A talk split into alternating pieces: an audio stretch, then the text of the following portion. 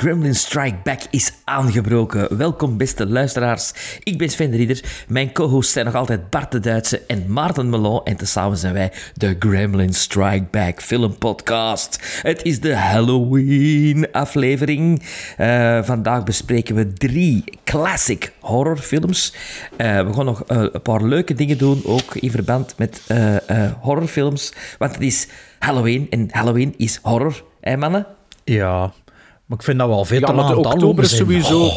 Ja, oktober is sowieso griezel, griezelmaand, Ja. vind ik. Sven. Want vorige aflevering was toch ook horror, hè? Ik kan me er toch moeilijk aan houden, ze. Zo heel oktober alleen maar horror zien. Bedoel, pff, Bij mij is het ik vind dat eigenlijk soms wel- vermoe- Ja. ik vind dat vermoeiend. Wel, Ik vind dat niet zo... Ik doe, ik doe wel meerdere dingen, maar, maar dat, ik denk wel dat... ehm, het, het merendeel is wel horror bij mij, hoor. bij mij als... Ja, maar ik doe, dat, ik doe dat eigenlijk een heel jaar deur horror zien. Nou, ik doe wel extra moeite tussen aanhalingstekens. Gaan... Heb je niet meer goesting in oktober, Sven? Yo, Tegen het einde zo. Te- echt tegen, tegen Halloween zelf. Tegen Halloween, Een beetje ja. zoals ja, met ah, kerstmis. ik, ken nu al een beetje, ik zit nu al een beetje beu eigenlijk, de horror. Maar Want, hebt u, jij begon al op voorhand, zo een maand geleden ook al te zeggen, want ja, in oktober is het alleen maar horror of zoiets, Bart. Dus je hebt u misschien wel, misschien wel te veel stress of druk opgelegd. Nee, geen stress of druk, maar gewoon, ja, ik ben daar nu al een beetje beu. Zeker ook met twee afleveringen erover te doen, zo. Maar kijk, ja, alles behalve nieuwe films zijn allemaal horror dat ik van de maand gezien heb.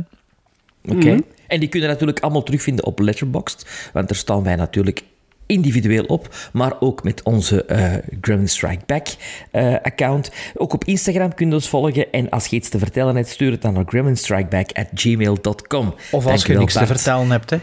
Ja, Dat gebeurt ook, hè.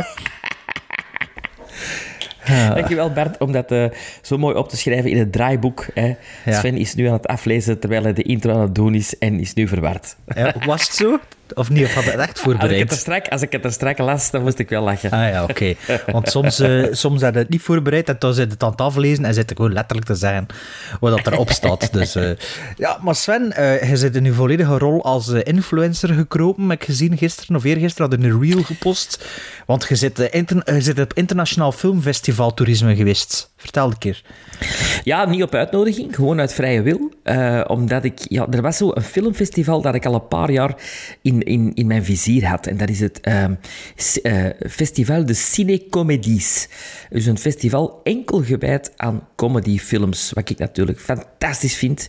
Franse Eh, ja. comedyfilms? Of Nee, nee, nee. algemeen? nee. Ah, algemeen. algemeen. Want Ah, dacht- bijvoorbeeld ook My Name is Nobody, eh, van, ik geloof van 73, eh, bestond dus eh, 50 jaar dit jaar en was daar ook eh, te zien op het filmfestival.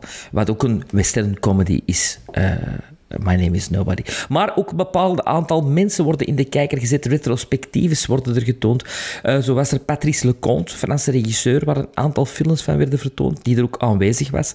Maar de grote eh, eh, naam van het festival, de, de guest d'honneur, was Michel Serrault, die er spijtig genoeg niet kon bij zijn, want Michel Serrault is overleden enkele jaren geleden. Ehm, maar is wel een van de grote, iconische Dat is, dat Franse... is wel budgetair interessant. Guest of Honor pak die al dood is. Ja, alhoewel, alhoewel. Je kunt, ik bedoel, zijn familie was er wel. Zijn Ah, dochter was Ah, ja. onder andere eh, aanwezig op het festival. Die heb ik ook ontmoet. Ik heb er een foto mee getrokken. Ik heb er een babbeltje mee gedaan. Eh, wie was er nog? Didier Kaminka.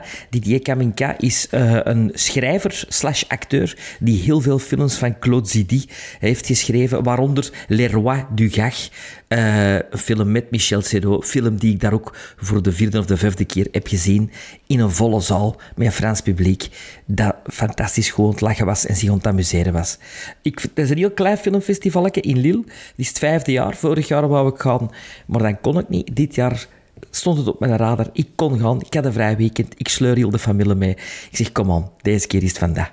Ook weer heel expositie van Michel Serrault. Enfin, je kunt op mijn Instagram met een reel over eh, dat filmfestivaletje... eh allee, reel. En die, en die gast die naar beneden kwam en dat iedereen voor applaudisseerde, dat was die regisseur dan die nee, er dat was. is de schrijver, Didier Kaminka.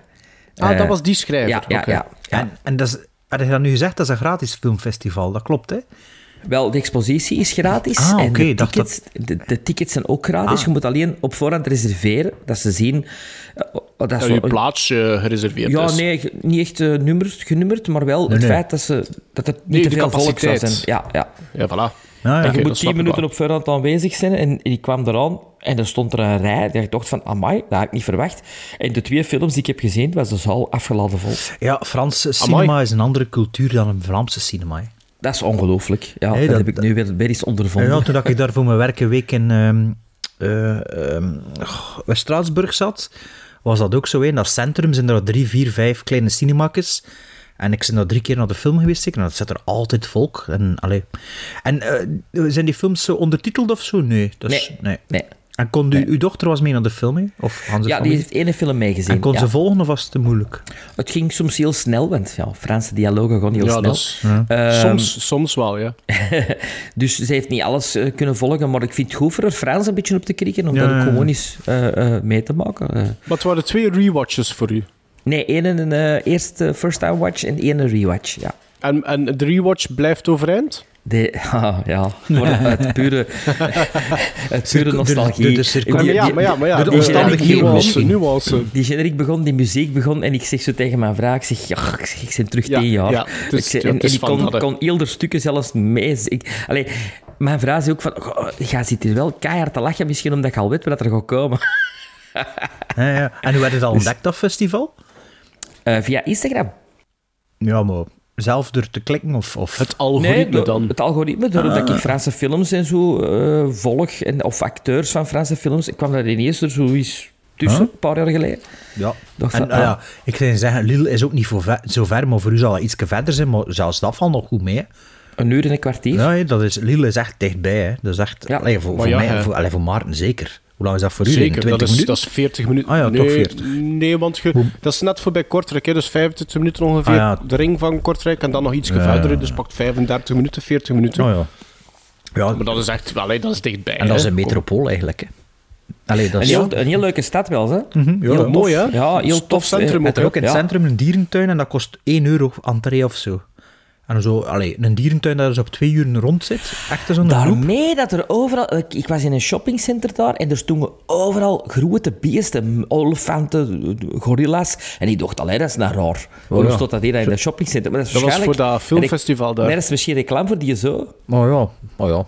Maar het is, allee, Dat zou het is geen full-blown zoze, maar het is wel al zo, eh, als je daar in de buurt zit met kinderen, Ja.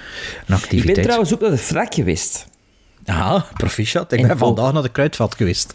Maar ook dat is onwaarschijnlijk verschil met onze FNAC. Hè? Ik bedoel, wat je daar allemaal hebt om films nog op fysieke media, dat is niet Ik normaal. weiger, ik weiger om films in de FNAC te kopen. Ik. Ja, maar ja, als er niks Al, anders al, met... al, al, ja, al tien jaar. ja, ja. Maar ja, is er nog in België? Ik ben al lang niet meer in de vlak nee, geweest. dat denk hè. ik. Allee, jawel, ik ben... Ik, ben eh, eh, ik moest daar... eh, allee, eh, gewoon puur voor de tijd te doden ben ik daar nog een keer binnen geweest. Ik denk dat dat dit jaar was.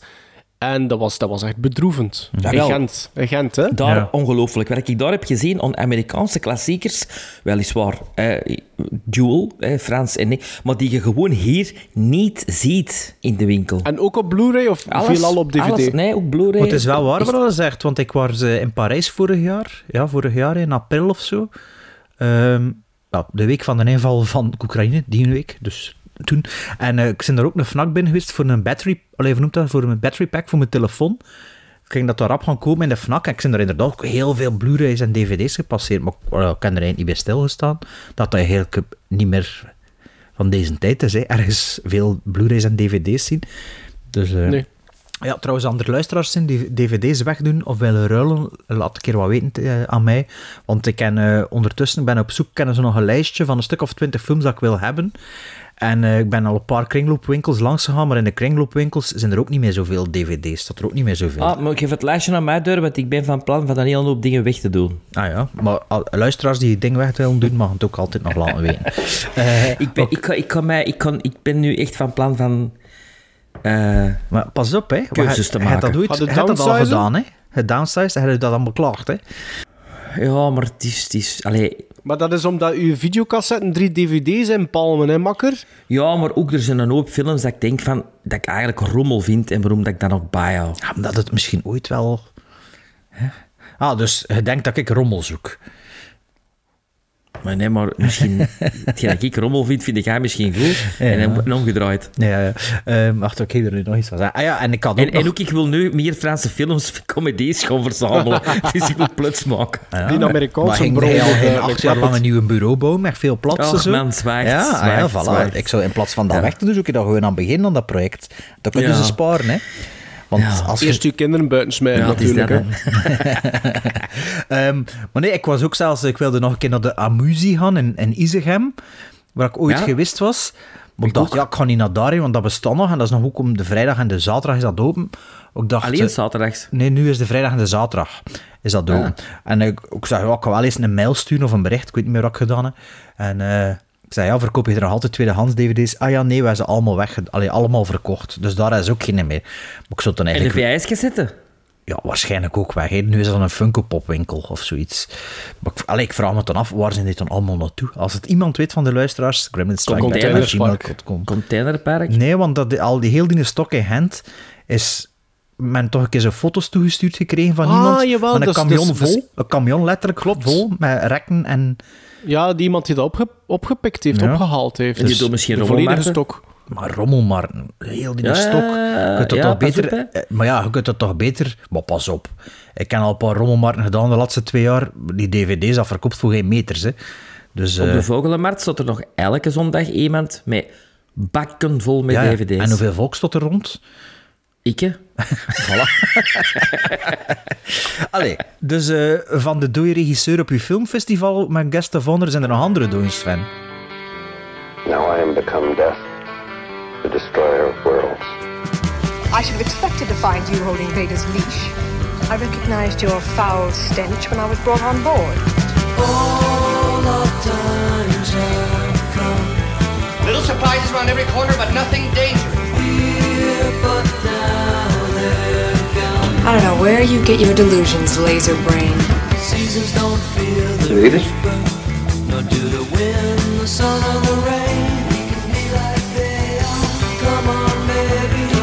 You eat it? You eat it?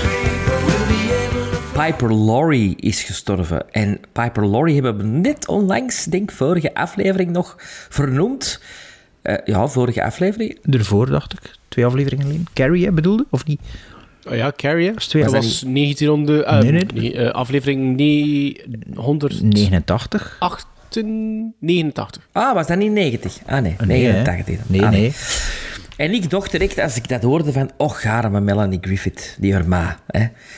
Ik verwar die dus altijd met Tippi Hedren. Ah, ja. Op een of andere manier. Ik weet niet waarom. Misschien omdat dat ook zo'n rare naam is. Tippi Hedren, Leeft Piper Hedren Laurie. nog? Ja, die leeft Die nog. leeft die is ja, dacht ook. drie jaar ouder dan Piper Laurie. Ja, ja, ja. ja, ja. Eh, Piper Laurie is geboren in 32 in Detroit eh, en overleden in Los Angeles eh, in dit jaar, 2023, 14 oktober. Ze werd geboren als Rosetta Jacobs en ze verhuisde naar Los Angeles, waar dat ze direct een contract kreeg. Ehm allee, direct niet, een paar jaar later, in, bij Universal Studios. Ze heeft ook gedate met Ronald Reagan voordat deze met Nancy trouwde.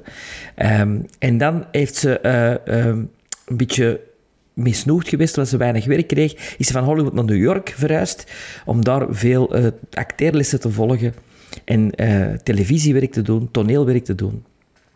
En dan in 61 is eigenlijk haar grote comeback naar Hollywood gebeurd. Eh, ze werd teruggelokt met het aanbod voor de tweede keer de affiche te delen met Paul Newman in de film The Hustler. Dat was een commercieel succes en zij werd genomineerd voor de Oscar voor beste vrouwelijke hoofdrol. Piper Laurie heeft trouwens drie Oscar-nominaties gehad in haar leven. Eh, voor Carrie, voor The Hustler en voor Children of a Lesser God. Waar ken ik ze nog van persoonlijk? Van een film met Mel Gibson, Tim. Een Australische film over een eh, zwak begaafde jongen. Die, ehm, waar dat een oudere vrouw, gespeeld door Piper Laurie, eh, een beetje een, een ehm, platonische relatie mee begint. Er is ook een fantastische tv-film, The Bunker, Niet te verwarren met de VTM-reeks De Bunker. Maar De Bunker, waarin dat zij ehm, Eva Braun speelt, eh, naast Adolf Hitler, gespeeld door Anthony Hopkins. Zeer goede eh, vertolking van Hitler trouwens. The Return to Oz, daar zit ze ook in. Appointment with Death, eh, een van de laatste Peter Ustinov eh Agatha Christie verfilmingen. Dream a Little Dream, die Maarten juist gekocht heeft. Eh, daar zit zij ook in. Ah ja? Ah ja, Is dat die met, met de two Corys? met de two Corys, ah inderdaad. ja, die heb ik gekocht, ja. En Twin Peaks speelt ze ook eh, een belangrijke rol. The Faculty. Wie is En ze in Twin eigenlijk Peaks? Is dat de Lock Lady? Nee, Peaks? niet de Nee. Lady. Nee, nee. dat is... eh ah, ik kan niet op de naam komen. Ik ook Sorry. En dan toch nog zo'n paar films. The Crossing Guard, The Grasshopper, Wrestling Ernest Hemingway. Toch allemaal zo films in de jaren 90 met, met grote casts. Storyville, Other People's Money.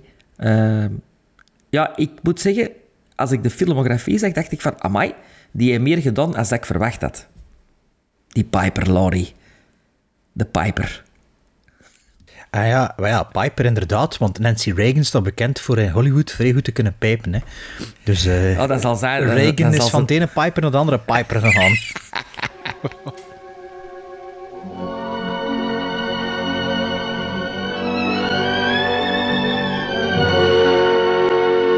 Play it once. For all time's sake. I don't know what you mean, Miss Elsa.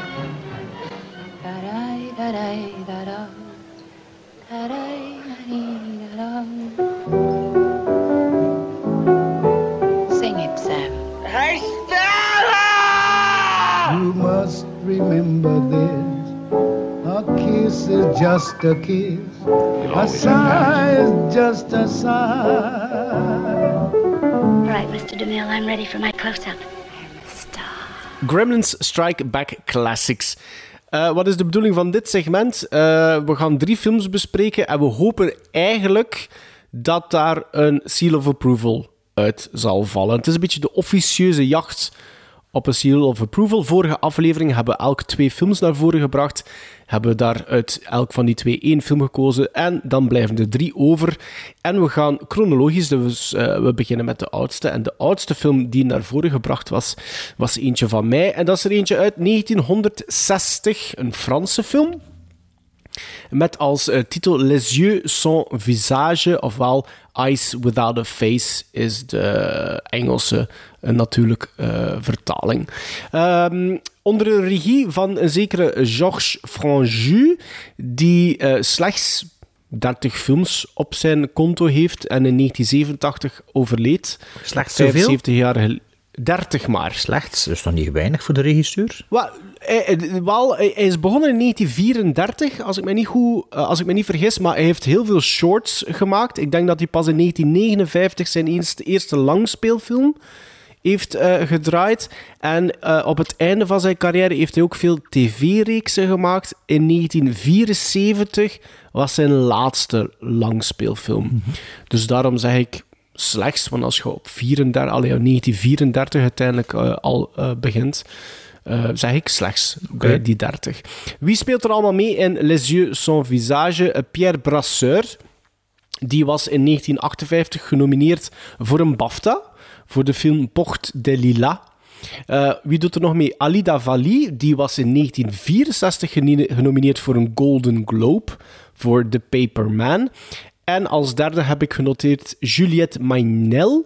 En dat is de winnares, beste actrice in het eh, filmfestival van Berlijn in 1960. Dus qua cast zijn er toch drie mensen die prijzen hebben gewonnen. Waarover gaat Les Yeux sans Maar visage? en- en- Edith, Edith eh, Skop, of Edith Skop, heeft de César gewonnen voor, voor eh, beste bijrol ooit. Wat een beste bijrol ooit. Beste bijrol ooit. Ooit, dus in de filmgeschiedenis bedoelde dan. Of de, Fran van de Franse filmgeschiedenis. Ja, ja, nee, voor de beste bijrol eh, heeft zijn César Maar kijk, ik heb, ik, heb het, ik heb het gehouden bij die drie. Maar kijk, bedankt Sven om daar ja, nog zij een speelt, aanvulling toch, op te zij doen. speelt toch Christian, dus... Ja, nee, dat klopt. Nu, waarover gaat eh, de film? eh, Pierre Brasseur eh, vertolkt Le Docteur Genessier. Dat is een chirurg die zijn verminkte dochter probeert te helpen. De synopsis van IMDb laat iets meer los Maar ik heb het eigenlijk bewust uh, iets mysterieuzer nog proberen te houden, omdat er toch stelselmatig klein beetje uh, meer informatie wordt gelost doorheen uh, de runtime van de film. Die slechts 90 minuten duurt, dus het is een film van anderhalf uur. wat dat trouwens een boekverfilming is, geschreven door ene Jean Redon. Voor mij was dat geen first-time viewing. Voor Bart was dat ook geen first-time viewing. Maar voor Sven, Sven die wel. Nu wegloopt. En Sven zegt van, ik heb er eventjes geen goesting Sven in. zegt, kijk gedaan. Hoewel hij Ah. moet beginnen. Ja, ja. Nee, nee, ik moest mijn papier, mijn Ah, papieren oké, ik pakken. dacht dat het wegliep. Allee, Nee, welkom ze- terug dan. En jij mag beginnen, hè, Sven? Ja, ehm, eerst en vooral zeggen, 90 minuten. Oh, hoe heerlijk is dat toch van die Fijn, films hè? van 90 minuten. En zeker als het dan films zijn zoals Les Yeux sans Visage, die 90 minuten echt wel iets te vertellen hebben, elke minuut. eh, ja, wordt er wel iets aan het verhaal toegevoegd. En je ziet eigenlijk... Allez, ik zat 90 minuten gekluisterd aan het scherm. Ehm, de ongelooflijk straffe, voor zijn tijd experimentele muziek van Maurice Jaar vond ik van bij aanvang zeer eh, indrukwekkend. En- goede gast, eh, maar wel veel jaar. Hij heeft veel jaren, ja. Maurice Jaar, eh, gekend van de films van eh, David Lean natuurlijk, Ehm, maar ook vader van Jean-Michel Jarre, eh, die later met synthesizermuziek faam heeft gemaakt. Nee, ik, Pierre Brasseur ken ik als acteur. Ik heb er nog niet veel van gezien. Maar vond ik ook van bij aanvang een zeer groot Charles Lofton eh, gehalte hebben in zijn speelstijl. En dan meer bepaald die film die we ooit hebben besproken eh, over... ehm, The Island of Dark Souls, zoiets? Island Ja. of Lost Souls? ja, daar deden mij wat aan denken qua figuur, qua personage. Ehm, en Pierre Brasseur is de vader van Claude Brasseur. Claude Brasseur is, eh, is ook een zeer grote Franse filmacteur, die trouwens ook in de film meespeelt, zijn zoon. Want hij speelt een inspecteur. Eh, Ah, oké. Die op onderzoek uitgaat. Wat dat wel leuk was, ik wist dat niet. En dat was niet van, oh, een ontdekking. Eh, vader en zoon in die film.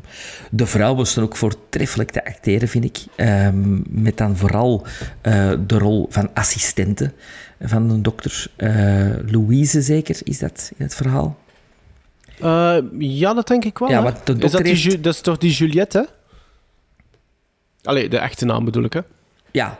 Dus de dokter heeft een assistente die hem blindelings volgt in alles wat hij doet. Ehm, ook dus in het feit van eh, zijn dochter een nieuw gezicht te willen geven. Want zijn dochter, haar gezicht is eh, deformed.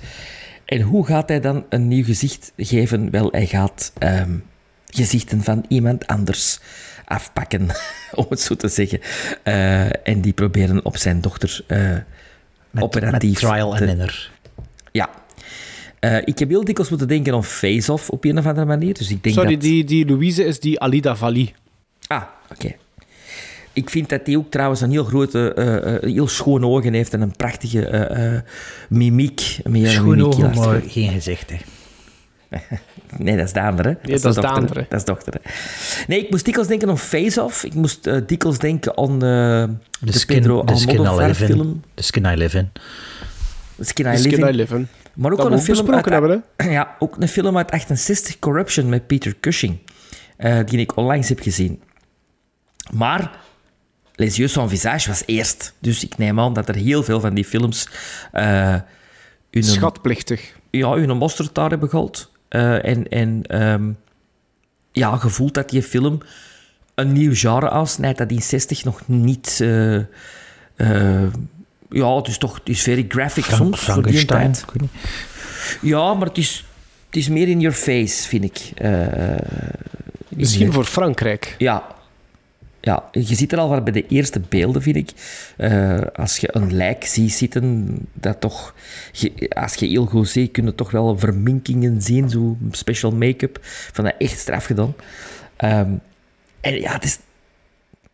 Het is een film waar je inderdaad stelselmatig meer dingen te weten komt. Het deed mij ook qua verstelstructuur denken on the fly, op een of andere manier. Dat je ook zo, de originele fly, dat je ook zo meer en meer te weten komt en, en dingen ontdekt. Ehm, ik vond het ook een hele goede apotheose. Ja, ja. Vond je Ja. dat? Ja, Nee, omdat ik- je ik- ik- verwacht ik dat, spreek ik spreek je verwacht niet iets tegen, met, Je verwacht iets met eh, Ja, ja. wat dat je in het begin hebt gezien. Ver- Maar vond je dat daarom eh, onverwachts ook? Nee, ik heb niet gezegd een onverwachte apotheose. Ik vond Een goede apotheose. Oké, Eh, een sterke apotheose. oké. En ook heel symbolisch, want zij stapt dan op een gegeven moment weg met iets in haar handen, wat dat ook heel symbolisch is, vind ik. Eh, dus ja, ik was, eh, ik was eigenlijk eh, aangenaam eh, blij met deze film. Aangenaam blij. Aangenaam blij. Je Ja, bent lof. ik ben lof. Is dat een- een pleonasme of een tautologie? Ehm, een, eh, ik weet het niet. Een onomatopee. Een onomatopee, hè. Alleen neem jij dat maar over, misschien qua klankwerk. Ja, ehm Les yeux sans... Tenzij Sven, tenzij Ah ja, Sven zei nog een mega pointe gaan Nee. Ah nee, ja, oké. Oh nee, maar je zat al aan het einde, hè. Dus ja. Voilà. Eh, Les Yeux sans Visage, een film die ik eerst... eh, is eerst op mijn radar gekomen ooit, back in the day, en op Twitter. Ehm, toen dat er het was zo'n account dat ik volgde, waarbij dat er zo altijd links gelegd waren tussen oude films en nieuwere films. Ja, hoe nieuw dat die op dat moment was, is wel relatief. Want het ging, dat was een, ehm, een ding, een stil over eh, Tim, eh, Tim Burton's Batman. Dat was dan dat masker die ze aan hebben in ehm, een ding is in Tim Burton's Batman. Is dat ehm dingske? De, De, de, de, de, de, allee, minnares, hè. Ja, maar dat is niet de bekende actrice. Is, wie speelt er mee in Batman? Is dat Sharon Kim Stone? Basinger? Ah, Kim Basinger. Dat is niet Kim Basinger die dat masker aan heeft, of wel? Nee, dat is, dat is zijn minnares van Jack Nicholson, die eigenlijk Ah de, ja, de, vrouw is van Jack ah, Palance. hè. Jerry Hall. Ja, Jerry Hall. Dat masker dat zij aan had, eh, dat ging dan op Twitter, die Twitter, eh, dat Twitter-postje zo ging dan over dat dat eigenlijk geïnspireerd was op Les Yeux sans Visage. Wat ik eigenlijk ook wel beaam, dat, dat zal er zeker eh, op geïnspireerd zijn. Die Ehm, dingen ook trouwens, Michael Myers schijnt ook geïnspireerd te zijn. Ja? John Carpenter. Ah, ja. ja. Ehm, dus dat was mijn eerste kennismaking met Les Yeux sans Visage. Het was voor mij de tweede keer dat ik hem gezien had. Ehm, ik heb die op Blu-ray gekocht eh, ja, lang, lang geleden. Want deze film heb ik de eerste keer gezien in januari 2018. Dus dat is ook al bijna zes jaar geleden. En waarschijnlijk lag hij dan ook al drie jaar op mijn schap voordat ik eraan toe kwam. Eh, van de regisseur Georges Franju. Eh, die heb ik ooit al een keer aangehaald in een, eh, ik denk een movie-alfabet nog. En dat was een film Je Du. J-E-D-U-X. Bij de letter J zal dat dan geweest zijn. En dat was een film dat ik eigenlijk gekocht. Ik had die niet gekocht, maar ik had een, film, een andere film van hem gekocht. Nuit Rouge, Shadow Man in het Engels. Er waren twee films in één doosje. Omdat die in Nuit Rouge, die posters achter cool ik dacht, ah, dat wil ik wel hebben. Die Nuit, Rouge heb ik ondertussen nog niet gezien, maar wel Je Du heb ik wel al gezien. En als je je misschien herinnert, dat ging erover dat er op de hoes iemand stond die verkleed was, maar met een vogelkop. Ja, dat, iets? dat, dat rings a bell. Ja, ja. Het was in de lockdown, wat ik weet dat, waar dat ik het opgenomen heb, die aflevering. Ehm, en eh, ik heb die toen bekeken en dat viel eigenlijk goed mee. Dat was niet zo sinister dan dat de cover laat uitschijnen, maar het was wel... Is dat niet eh, die affiche die dan ergens zo in een andere film ook te zien was? ja, ja, ja, misschien wel. Ja. Het zegt me vaag iets. Volgens mij had dan een foto gestuurd van is ze? Ah ja, het zou kunnen, ja. En eh, een andere film van hem die ik ook op eh, Blu-ray heb, eh, waarschijnlijk Eureka of een of andere boutique, is Plein Feu sur l'Assassin. Dat heb ik ook gezien, de Spotlight on a Murder. Dus ik heb eigenlijk al drie films van de beste man gezien. Hij heeft er slechts 30 gemaakt. En ik heb nog een vierde klaar liggen om te kijken. Anyway, The Skin I Live In. Ik dacht op voorhand, ja, wat weet ik daar nog van? Behalve dat van Batman. Ik dacht, ja, ik, weet, ik herinner me eigenlijk vooral dat er vaak gezegd wordt dat The Skin I Live In, dat, we dan, dat ik dan recenter gezien heb. De Vertigo-aflevering volgens mij was dat, in de kelder van de, van de, de cartoons. Cartoons. hebben we die film besproken. Hey, The Skin I Live In, jawel, dat waren eh, Hitchcock knock-off films dat we besproken hebben toen. En dat was het eigenlijk vooral wat ik herinner van, ja, dat trekt er een beetje op. Voor de rest wist er niet veel meer van. En wat er me opvoelt bij de eerste scène, als die vrouw achter het stuur zit, dat trekt heel hard op, eh, op het begin van Psycho. Dat een paar jaar later gemaakt is. Dat, Ja. En ik denk, ja, zo een, een Brits-Amerikaans, alleen een Britse regisseur in Amerika, die zou dan misschien wel een keer naar de Franse film durven kijken voor inspiratie.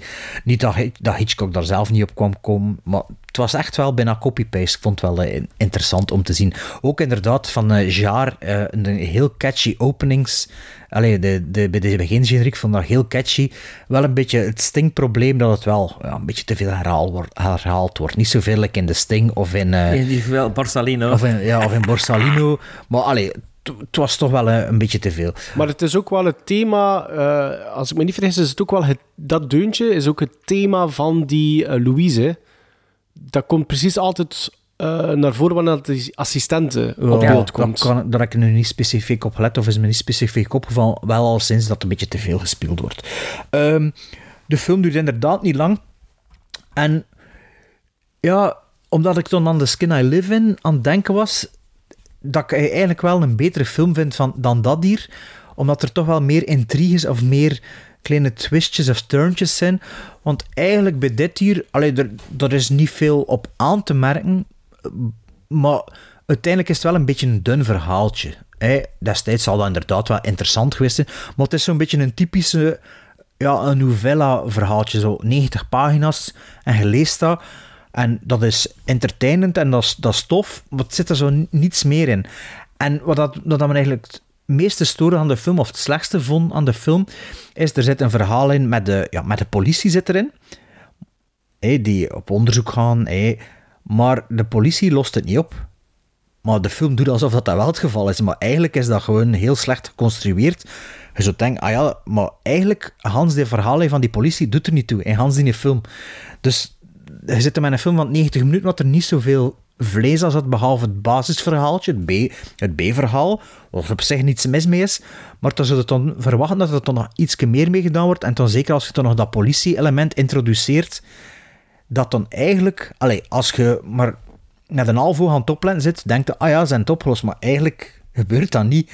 En als je je film dan maar 90 minuten is, is dat wel een beetje jammer dat er eigenlijk 15 minuten aan verspilt. Terwijl dat je een klein beetje op een andere manier eh, saus, saus op je vlees zou kunnen doen, zijnde dat. Maar, allee, ik zeg het, ik vond hem nu de tweede keer iets minder dan de eerste keer dat ik hem gezien heb, maar er zijn veel dingen in. Ja, als je nu zelf een film zou maken en bent filmstudent, en je kijkt er natuurlijk wel een paar dingen pikken die interessant zijn en zo. En je had u zeker wel niet, allee, je had geen slechte 90 minuten gehad en maar ik weet nu ook niet of dat dan nu zo'n harde Halloween-film is ook. Allee, ik zou zelf voor iets anders opteren, maar als je dat nog niet gezien hebt, je kunt er niet veel kwaad mee doen. Het is toch classic, hè? Het is, Het is het wel, is ja, wel een classic, het ja, ja. wel- ik vind, ja. Ja, ja, het is een classic, maar als je zo dan denkt, zou dat nu iets zijn voor mij Halloween te, te bekijken? Goh, minder. Allee, een Frankenstein of een Dracula, het dat wel meer en dat is ook een Ik classic. denk dat dat een beetje afhangt van het publiek dat je uitnodigt Ja, ook wel. voilà, voilà. Ehm, maar kijk, ja, zeker een onderhoudende film, maar toch, ja, dat politie-element viel me nu wel op en de eerste keer was me dat niet echt opgevallen. En de esthetische ding, ja, die had, ja, die had ik wel al gezien, omdat ik de film al een keer gezien had, ook al herinner, ik me niet meer. Maar ook de tweede keer?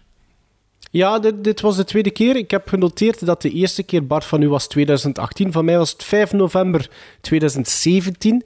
Dat ik was eh, eerst, voor het eerst... Ja, ik was eerst. Dat ik voor het eerst eh, Les Yeux Son Visage heb gezien. Heb gezien. Ehm, en net zoals de eerste keer was ik hier nog altijd heel hard onder de indruk van de acteerprestaties van Pierre Brasseur. Ik vond wat dat die man hier doet, vond ik eigenlijk wel redelijk ehm, indrukwekkend. Hij is met momenten heel statig en kil. En toch had ik, voelde ik ehm, emotie in die man. Eh, ondanks zijn afstandelijkheid, zogezegd, binnenin eh, die film. Er is, ook, er is bijvoorbeeld de scène in de eerste act, denk ik, van... van ehm, Eyes Without a Face, face dat hij een, een, een, een, lijk moet gaan identificeren.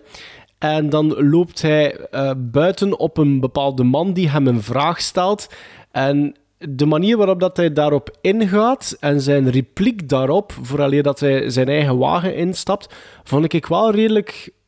Vond ik echt heel goed gebracht. Dus die man schipperde zo'n beetje tussen zijn missie, maar toch ook zijn emotionele kant. En dat vond ik wel mooi om opnieuw te ontdekken eh, in een tweede viewing, wat dat uiteindelijk eh, bijna eh, vijf jaar na de eerste viewing was. Ehm, het is ook heel duidelijk, wat dat jullie ook al gezegd hebben, is dat die film andere filmmakers en regisseurs heeft geïnspireerd. Ik dacht inderdaad onmiddellijk ook op... wat is de, wat is de, de, de Spaanse titel? El La Piel, Quabito of ja, The Skin I Live In met Antonio Banderas. Ehm, was heel duidelijk voor mij, maar een masker dat gebruikt wordt, doet mij ook vermoeden dat George A. Romero misschien eh, fan was van die film, want die, die gast heeft ooit een, een kleiner filmpje gemaakt die zo wat buiten het bekende uiveren van de man eh, valt. Dat is eh, Bruiser. En het hoofdrol, hoofdrolspeler heeft daar ook een soortgelijk blank canvas als masker op zijn gezicht hangen. Ehm, dus mij doet dat misschien vermoeden dat hij daar ook misschien wel iets... eh, eh, een soort van knipoog eh, naar Het is natuurlijk heeft. ook wel een cultfilm. Hè. Allee, dat- een- als in, de jaren een hele- 80, in de jaren 80 was dat een cultfilm, bijvoorbeeld. En, en binnenin het, het, het, het um, Hollywood en zo, denk ik ook wel dat dat een film die wel gekend en geliefd is ook, neem ik aan. Ja. Ehm, maar wat dat voor mij vooral opvalt, is dat dat voor mij als, als filmkijker wel fantastisch is om te zien hoe zo'n dergelijk verhaal ehm, in een ander land ook anders gefilmd, gemonteerd, vertolkt eh, wordt. De sets, eh, de belichting, de cinematografie. Je kunt dat. Dat zijn geen copy-pastes bijvoorbeeld van wat dat er in Amerika werd gedaan, of in, in die, in die periode, of in, in de UK werd, werd gedaan. Zelfs voor Frankrijk zijnde vind ik het inderdaad wel momenten heel grafisch. En dat is misschien iets, ja, ik ken niet genoeg om daar eh, ehm, eh, waarheden aan te, aan te koppelen of zoiets. Maar mij viel dat wel op dat er bepaalde scènes zijn die wel heel graphic zijn voor, voor, voor Frankrijk van, eh, van 1960, eh, van wat dat er toen in de cinema speelde. Het is misschien allemaal juist iets kaler wat ik bedoelde van eh, inkleding en zo van de sets. Maar het past wel bij die ver- vertaalstijl dat die Georges Franju wou geven eh, aan die film. Ehm, dus het was een rewatch voor mij. Ik geef Bart gelijk, want dat was voor hem ook een rewatch. Voor mij was de eerste viewing ook wel net iets straffer. Ehm, ik had daar misschien al een klein beetje last is het juist woord niet, maar ik had al een klein beetje opgemerkt in de eerste viewing, weet ik nog. Er, is er zit wel een dipje in, in Eyes Without a Face. En dat hakte er bij mij harder op in. Ehm, en zeker omdat dat dipje zich zo wat centreert in die eh, losse verhaallijn dat geen resolutie heeft, waar dat Bart het er juist ook over had. Dat heel dat stuk waar dat de politie dan een klein beetje meer ten, ten tonele komt, dat pakt wel wat tijd in beslag. Ook een klein beetje ervoor, een klein beetje erna. En dat heeft inderdaad geen meerwaarde aan, aan de film. Er is, er is een heel groot gesprek Mij- ook ja, bijvoorbeeld. Mij het is dat bureau. niet zo opgevallen, misschien omdat dat de eerste keer was. Dat kan, want dat kan. Dat kan. Ik zei het, bij mij viel het ook nu iets meer op. En dat heeft eigenlijk ook wel zijn, ehm, zijn gevolg gehad in mijn quotering. Ehm, maar er is bijvoorbeeld een heel groot gesprek tussen die inspecteur en zijn assistent. En je voelt zo van, ja, dat is, dat is een inleiding van een derde act, zo gezegd. Maar, maar dat, is, dat voelt niet juist aan. Dat, dat, dat zit niet goed. Dat is niet zo goed geschreven. Dat heeft ook niet echt een, een payoff. En ik voelde dat er wel des te meer nu bij een tweede viewing. Dat, die score is mij ook opgevallen. De, de Hansen score is mij opgevallen. Maar vooral, ik noemde dat een beetje het circusdeuntje. Wanneer dat die assistente daar eh, altijd ehm ten tonele komt. Wat dat mij niet tegenstak, maar misschien zelfs eh, helemaal niet. Omdat ik dat wel een soort van ehm, reden vond om die film net te onthouden door die score. En Mm. zeker door dat ene thema dan. Ehm, dus dat vond ik net wel positief. Ook maar iets dat in horrorfilms later dan ook vaak, hè, Psycho, maar ook Halloween, een, een deuntje, een tuentje. Ja, klopt. Ja, dat, dat misschien daarna misschien iets vaker, dat kan. Ehm, maar ik heb wederom een goede film gezien, begrijp me niet verkeerd. Maar het was ietsje minder, ietsje minder straf dan, ehm, dan, dan de eerste viewing. Maar ik blijf het wel nog altijd passen binnen in dit segment van een, een classic. Dat zeker wel. Gizmos dan maar zeker, hè? Ja, mai. Ja, Sven, je jij mag, eh, jij Ah, ja, mag beginnen. Hè? Ik dacht ja. dat Maarten ging Ja, zeggen, gizmos dan maar. maar moet dat zijn eigenlijk, hè, gizmos. eh. Sven, jij mag beginnen, Eh, moet het dan zijn? Zo, Ik geef ja. dat eh 6,5 gizmos. Ah ja, Ah, een- dat was jij nog redelijk streng zelfs, vind ik, Sven. Want jij klonk toch redelijk Ja? positief. Ja, ik was ook positief, maar ik ben, ik ben een beetje strenger geworden. Ik weet niet Ja? of ik dat al niet op gehad. Ah ja? Nee, ik heb dat nog niet Nee, opgemerkt. zijn nee. u Ja, zelf aan uw is- streng gekomen met uw strengigheid misschien? Alleen met uw losbandigheid, zal het zo zijn? Dat is Ik ben meer... eh, aan- aan- eh, ik ben meer... Ja, en Het verschil- en het verschil de van maken, collectie wegdoen en zo. Ja, Ja, maar, ja, ja, ja, ja. het klopt. Eh, bij mij was dat ook... Dat zal die, die 50 zijn die dichter komt, denk ik. Bij mij was dat is- ook 6,5, maar dat is gezakt. Dat is een half gezakt. Dus nu is dat 6 gizmos bij mij. Ah, oké. dat was ik echt wel veel positiever. Want ik, eh, mijn first time viewing, mijn rating op Letterboxd stond ook, op een... Ja. Ja, dat, dat is, ja, ik heb nog tijd, hè. De 50 is nog niet in zicht. Ik, ik, eh, ik was op een 8 begonnen. Wow. Ja, ja. Ik, een first time viewing gaf je dat een 8. Ik ben afgezwakt naar een 7,5. Ik vind dat wel nog altijd een hele goede film. Ja, maar dat vind ik, dat vind ik echt eh, dat is de- heel genereus met uw Ja, cijfers. maar hij zit dan ook heel streng Dat is de geworden. leeftijd, hè. de leeftijd.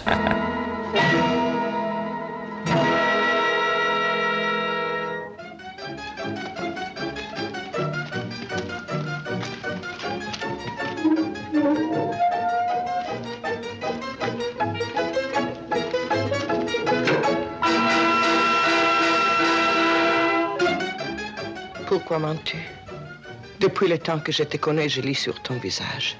Dis-moi la vérité.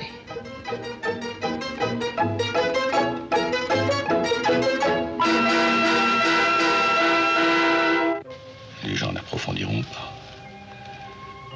Ils ne chercheront pas à savoir ce qui se passe ici, surtout. Mais que se passe-t-il dans cette mystérieuse ville-là?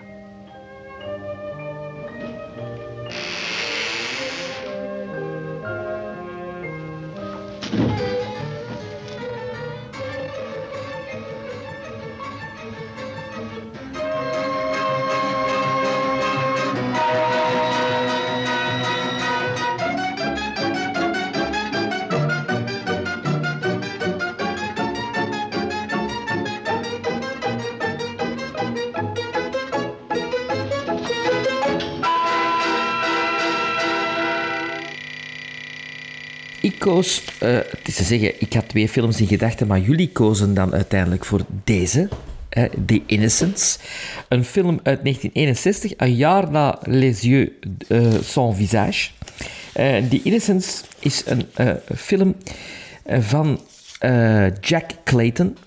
En in de hoofdrol zien we Deborah Kerr, Michael Redgrave en Max Jenkins. Het is licht gebaseerd op de Amerikaanse novel The Turn of the Screw, een eh, redelijk bekend boek van Henry James. Ehm, het boek is van 1898, nota bene. Het speelt zich ook in die periode af, want in de 19e eeuw arriveert de Britse gouvernante Miss Giddens bij een familie waar ze zorg zal dragen voor de twee kinderen Flora en Miles. De kinderen lijken erg lief, maar Miss Giddens begint te vermoeden dat er achter die schattige gezichtjes iets beangstigends schuilgaat. Ja, The Innocents. Voor alle drie een first-time viewing, hè, dacht ik. Ja.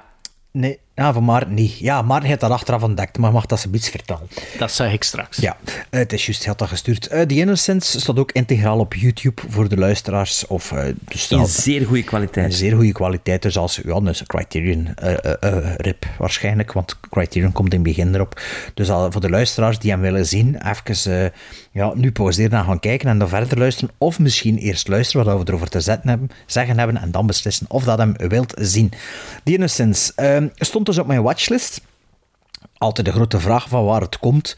Maar ik ontdekte dat dat één, of dat dat de favoriete, of één van de, zal dat misschien wel zijn, favoriete horrorfilms is van Jude Dante. Ja. Dus, en, Joel, en Joel Olsen. Voilà, dus waarschijnlijk waren die er dan een keer lyrisch over op hun eh, podcast eh, We Know What You Did. Nee, eh, hoe noemt dat weer? The Eh, Movies That That Made Made Me. Me. ja. Eh, en waarschijnlijk is dat zo op mijn eh, watchlist beland. Ik wist er dus niets van. En ik begon te kijken en ik zag weer direct, ach, het is Epoch.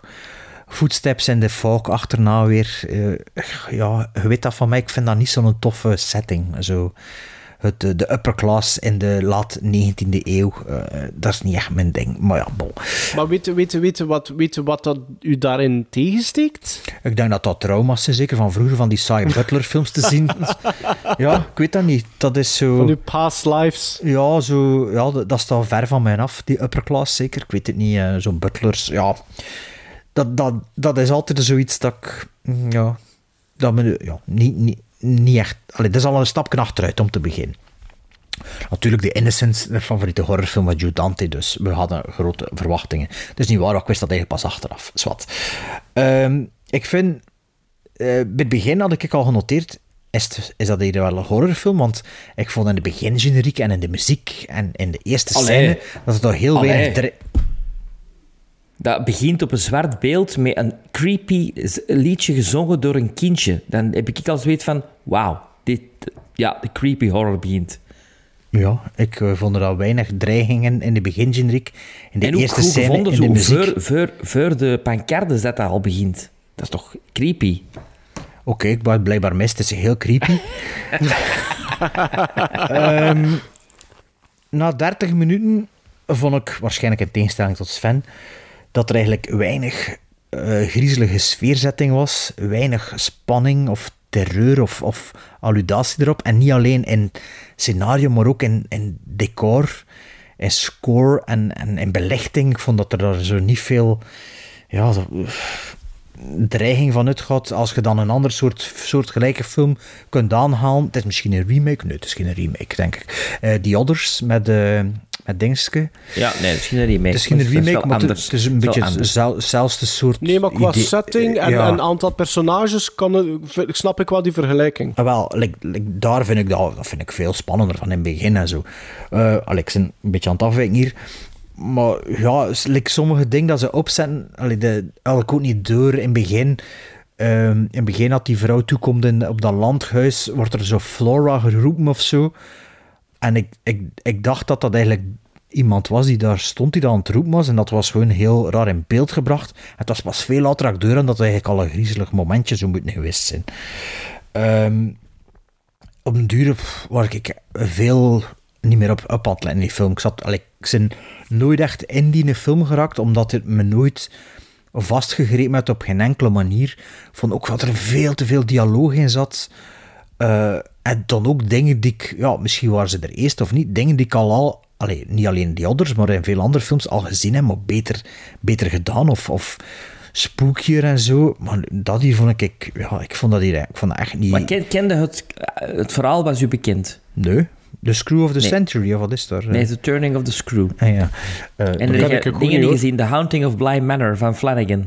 Nee, nee, nee. Ah, oké. Maar dat is eigenlijk Ik heb Midnight Mass twee afleveringen gekeken en pff, ik de, de eerste... Is dat de Haunting... Of, is dat de eerste? Nee, hè?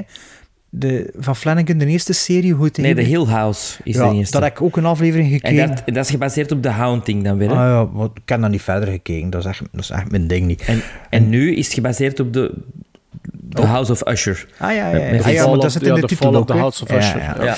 Ehm, dus die, doet- die pakt altijd zo oud dingen die hem dan Eh, uitspringt nieuwjaarsje over veel En- te veel afleveringen. En, ja, en Midnight Mass, wat, van wat was dat? dat ken ik zelfs niet. Dat is toch ook van hem, hè? Met die, met, op dat eiland, zo, met al die... Ik denk dat, er, dat de point is dat ze niet ouder worden of zoiets. Ik weet het niet meer juist. In elk geval, dit hier vond ik niet spooky, niet scary en vooral eigenlijk redelijk saai. En iets dat ik totaal niet kan verdragen, en dus blijkbaar in film ook niet, zijn kinderen die tieren. Dus eh, dat is ook al eh, iets, en er zit er zo'n scène, dat is echt... is tieren? sch- sch- eh, ja, gillen. Gillen. Dus er zit een scène... Ah, dat zo, dus Drew Barrymore in E.T. vind ook niet. Maar nee, als dat alleen maar zo af en toe een keer roepen, oké, maar zo echt... zo- Mijn achterburen zijn ook zo. Allee, de kinderen hè, van mijn achterburen komen er zot van. dus dat zit ook in die film, dus dat is al, eh, dat is al een eh, puntje minder dan ook eh, voor mij. Maar dus eh, de Innocence, eigenlijk wel een beetje teleurstelling, moet ik zeggen. Ik had er wel wat, wat van verwacht. eh. Maar ja, dat was misschien met mijn first time viewing, misschien met een second time viewing, dat dat veel beter is. Ach wel, als Dat- je niet dat wist kan, dat het al gezien had op voorhand... Ja, nee, ja. Nu, dus tot mijn eigen verbazing geen first-time viewing. Want toen dat ik op zoek was naar Les Yeux sans visage, wat ik zeker wist dat ik in mijn collectie had zitten, eh, was ik aan het zoeken bij de BF5-releases, want die zitten samen. En tot mijn grote verrassing trek ik daar een andere film uit en blijkt dat dat dus The Innocence was. En toen ben ik onmiddellijk op mijn letterbox gaan kijken en warempel, ik heb dat dus eh, op eh, 20 november 2017, 15 dagen na mijn first time viewing van Les Yeux, heb ik ook blijkbaar The Innocence eh, bekeken. Eh, nu, nu, ik, ja, ik, ik, ik stelde mij wel vragen bij mijn eigen... herinnering of, of geest eh, toen. Maar Wij ook. moet eerlijk zijn, na de, na de, na de eerste vijf minuten ehm, kwam het overgrote deel eh, van, ehm, van de film wel onmiddellijk terug. Dus goddank. In tegenstelling tot Bart, ik vind dat begin ijzersterk. Ik vind die opening credits vind ik heel sfeervol. De manier waarop dat, dat geplaatst is. Wat dat er juist te zien is tijdens die opening credits. Inderdaad, die, dat, dat, dat, dat, de, de, het kindje, de, het meisje die aan het zingen is. En dan die eerste paar zinnen van, van hoofdrolspeelster Deborah Kerr. Ik, bij mij wekt dat direct immense interesse en intrigue op. Ik vind dat, vind dat heel goed. Op het moment dat ze zegt van... Het is, is, is niet... ehm, het is niet geciteerd, maar ze zegt zoiets van... I want to save the children, not destroy them. Dat vind ik... Allee, als de film nog, zelfs nog niet begonnen is, dan vind ik dat direct... Oké, I'm on board. Ik wil weten wat dat er hier aan de hand is. Dan, daarna hebben we in mijn optiek een waanzinnig interessant sollicitatiegesprek, waar dat die intrigue nog meer aangewakkerd wordt, maar waar dat we ook direct kennis maken met een heel vreemd en op hetzelfde moment ook wel een heel eerlijk heerschap. In ja, de- dat was wel een goede scène, door- dat vond ik ook wel. Vertolkt door Michael Redgrave. Ehm, die, dat, die dat trouwens fantastisch doet. Hè. Ik- Vader ik vond ze- van Vanessa. van Vanessa Redgrave. Oh, ja. ik, vond dat zelfs, ik vond dat zelfs jammer dat die scène niet nog wat langer. eh, Maar Vanessa eh, Redgrave, die is nog duren. niet zo oud, hè? Dus die is... Van, Is Vanessa Redgrave die van de tv-serie Weird Science? Is dat Vanessa Redgrave? Ah nee, ik dacht dat dat Nee, die van a Red- Woman was. Ehm, niet Scent of a Woman, eh, die eh, ehm, film met dinges ook. Met eh Shia LaBeouf. Is dat niet Vanessa Redgrave? Nee, dat is over die vrouw die zwanger wil geraken of zo. Hij vond dat ook goed, Maarten. Eh, Met Shia ah, LaBeouf. is dat met... met, met ah, met Shia LaBeouf. eh, ja, niet Promising Young Woman, Ja, maar nee, die, die andere die iets een beetje erop trekt. hè. Ja, ja, ja, van titel. Aan het Vanessa. Redgrave? Vanessa- Nee, nee, nee. Ah, oké. Vanessa, Vanessa Redgrave, Redgrave is die van... Is, is, is, ehm, Howard's End, Letters to Juliet. Ah ja, nee, nee, ja, de- nee alleen noemde die film met Shia LaBeouf. Ik ben toch bezig, kan uh, luisteraars, kijk, je zit te roepen naar ja, mij. zoek jij het op, Ja. zoek jij het op Ik zal, tussenop, hè. ik zal, ja. Pieces of a Nu, Woman. na die Pieces of a Woman, ja? Vanessa Kirby. Vanessa Kirby, ja, dat is Ah, ook- nee, dat is ook- nee, nee, En- Het zal ook degene niet zijn van Weird Science, hoor. Zelfs het al ondertussen ook al iets gedaan voor u zijn. Maar ja, oké, dus na dat sollicitatiegesprek blijft het voor mij allemaal heel interessant nog altijd. Eh, want dan zakt de, de nieuwe governess eh, af naar die estate, waar dat dus die twee kinderen zijn samen met de huishoudster. Ehm, eh, ja, ik vond dat ook nog altijd allemaal heel interessant. Het afzakken van die estate met die koets. Het feit dat ze uitstapt, dat ze al wandelend dat landgoed wilt ehm, leren kennen. De eerste kennismaking ermee. eh, met, met niet alleen de, de grounds, maar ook met de housekeeper, Mrs. Grove, denk ik, als ik me goed herinner. Met het dochtertje. ehm, alles super, super interessant. Ja, ik zei het, de gans dat eerste half uur tot die, die eerste 45 minuten, drie kwartier, vond ik super, super interessant. En dan gaan we nog een stapje hoger, vind ik zelfs. Wanneer het zoontje ook ten tonele komt. Goed gespeeld, hè? En jongens, jongens, die kinderen. Wat voor tekst, de hoeveelheid tekst dat die, die, die, die twee kinderen te doen hadden in die film, dat vind ik. Ik, ik, ik ga een vergelijking maken. Ik heb nu voor het. ehm, ik heb nu. eh, we zijn nu dinsdag. Ik heb zondag de, de, de, de, de verfilming van de musical van Matilda gezien. En dat is sinds lang dat ik nog een kind zoveel tekst op zo'n fantastische goede manier heb zien brengen. En het deed mij denken aan The Innocence. Wat dat zelfs nog meer tekst is dat die, die twee kinderen. En zeker het zoontje eh, daar moeten debuteren. Ik vond dat... Ik vond dat poeh. En ik vond dat niet alleen goed, maar ik vond dat ook overtuigend. Wat dat ze moesten doen. Ja, niet, nee, niet tijdens die eerste drie kwartier. En dan heb ik zo'n beetje hetzelfde gevoel als wat ik had tijdens een eerste viewing. Namelijk dat de tweede helft van de film voor mij wel beduidend minder sterk is. En de reden daarvoor is omdat ik vind dat visueel en narratief het eigenlijk nergens echt schokkend genoeg is om mij net even hard in vervoering te brengen of te houden eh, ten opzichte van de intrigue die voor mij wordt opgebouwd tijdens het eerste half uur. Het is meer een soort van vertellend iets wat dat de kijker nogal redelijk braafjes bij de hand gehouden wordt van dit is er gebeurd of, of, of, of ja, de zo zit de vork aan de steel zonder dat je eigenlijk nog zelf ruimte hebt om het een beetje op je eigen tempo te ontdekken of vragen te stellen. Of zou het dat kunnen zijn, zou het dat niet kunnen zijn? En omdat ben jij de- dan zeker, Maarten, dat je op het einde dat alles resolved is? Allee, ja, de, dat- dat- manier waarop, de manier waarop het vertaald wordt. Ja, de, laatste, de laatste scène, de het laatste zin ook. Het laatste beeld, heb je toch zoiets van... Oeh. Ja, maar dat, dat bezorgt mij niet. Weet je wat dat, dat... Ik snap wat je bedoelt, Sven, maar weet je wat dat, dat... Als dat goed gedaan is, weet je wat dat, dat bij mij zou moeten teweegbrengen? Kippenvel. Ik had Of dat. zoiets, of zoiets van... "Oh!" En Ja, ik, ik- had dat niet. Ik had Ik dat, had dat omdat niet. ik zoiets had van... Ik had dat oh, ook niet. shit, that's it. Ja, nee, ik had, ik had dat niet. Ik had dat niet. Ik had dat niet. En, eh, en weet je wat dat, dat ook zou kunnen versterkt hebben, dat eindgevoel eventueel? Als er nog altijd vraagtekens blijven geponeerd worden doorheen die tweede helft van die film. En dat gebeurt Nee, ook je weet niet. hoe dat de vork in de steel zit. Voilà. Ja, toch wel, Sven. Ik weet dat hij nu raar kijkt. De kijker, allee, de luisteraar kan dat niet zien. De kijker Nee, maar ik wil niet te veel verklappen, maar... Dat zou ook de eerste keer zijn. Maar dat Het is veranderd, hè, met dat je 50 eraan komt. Ah ja, dat is waar. Je bent strenger geworden. Ehm, nee, ik vond dat niet, Sven. Nee. En ik, ik, maar ik ga er ook wat bij zijn. Ik heb mijn quotering ook bekeken natuurlijk. Ik, ik had een hele mooie score ook bij First Time Viewing. Maar nu... En dat ligt waarschijnlijk ook aan het feit dat je nu ondertussen ook al...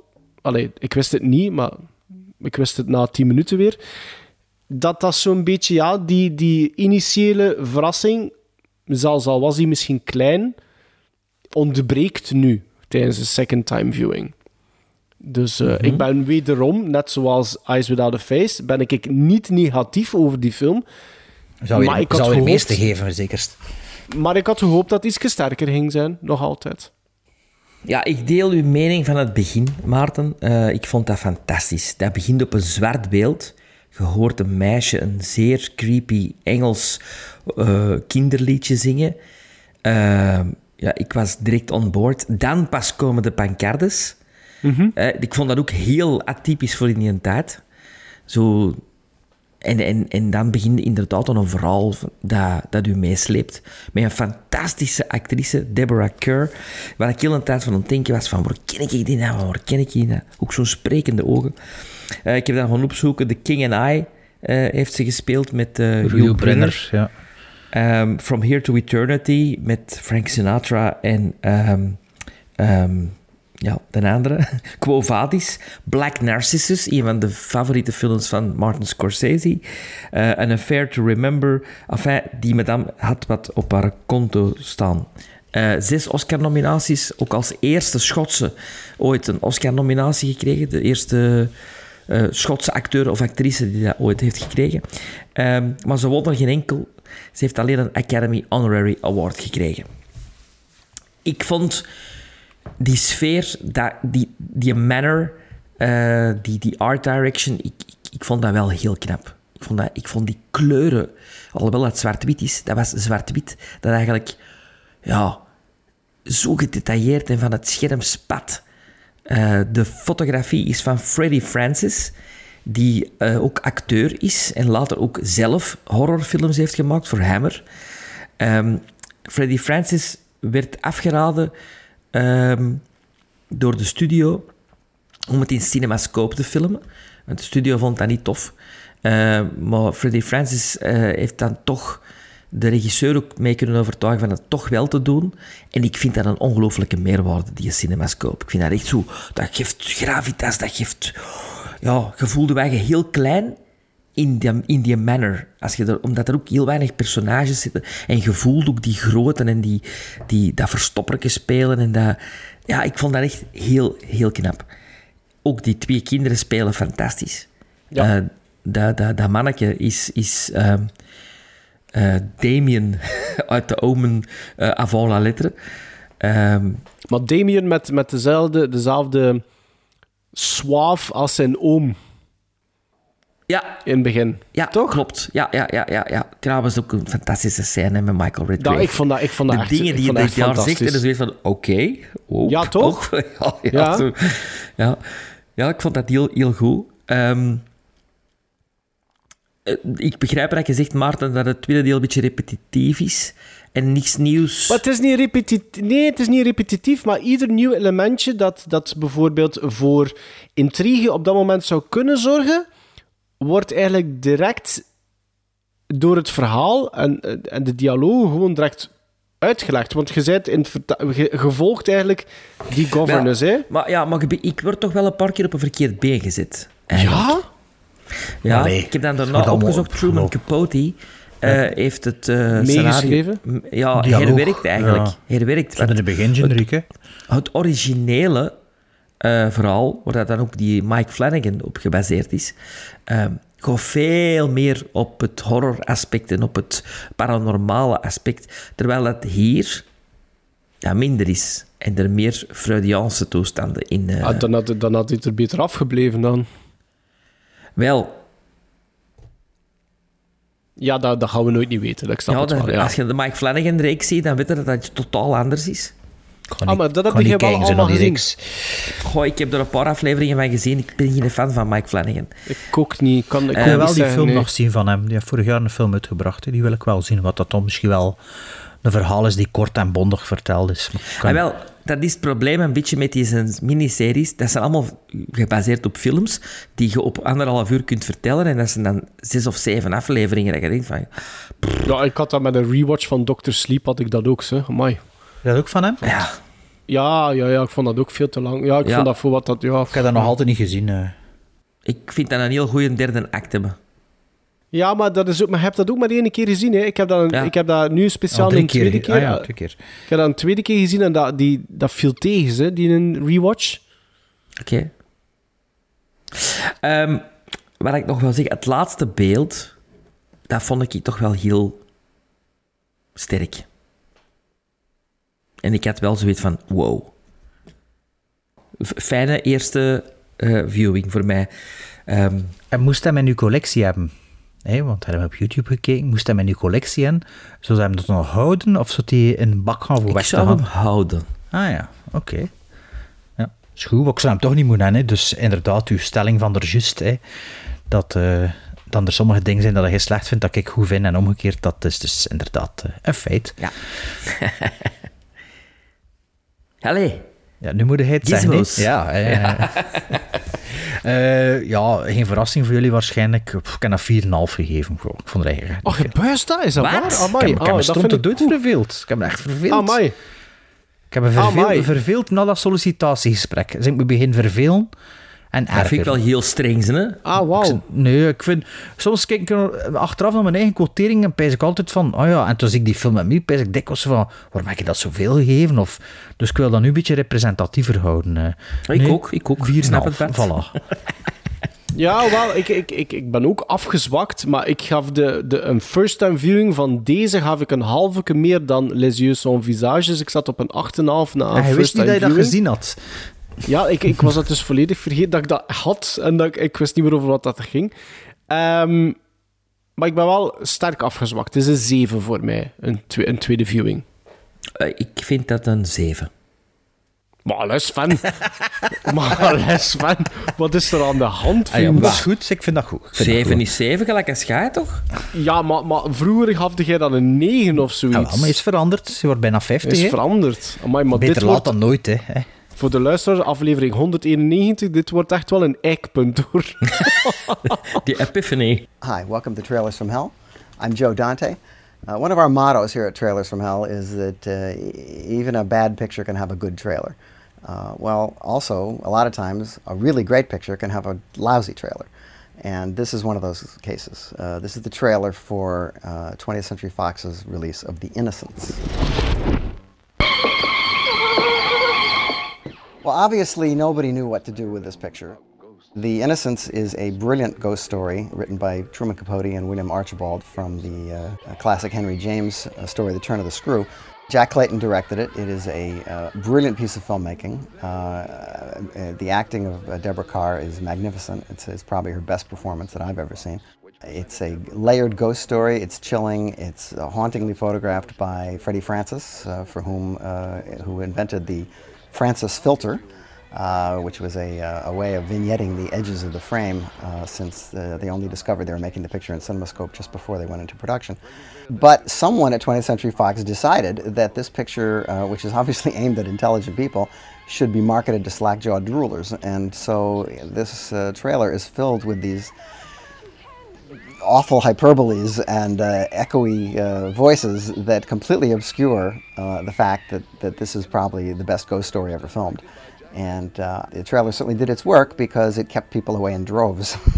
Here's Michael Redgrave in a part that Cary Grant actually uh, almost played. Uh, and if they had added one more scene for him, he would have played it. Wingard, Megs Jenkins, I saw him staring. Who, miss? The same man, the man on the tower. The tower. But now, just now, he was staring. This picture is uh, a must to see in widescreen. Uh, it's one of the great CinemaScope movies. And um, it's, if possible, if it can be seen in a, uh crowded theater, uh, it's all the better because it really is a spine chiller. And um, uh, it's not, uh, it, it- the, the Robert Wise's The Haunting has a, a somewhat more inflated reputation, but to me, between the two, uh, this picture is much creepier.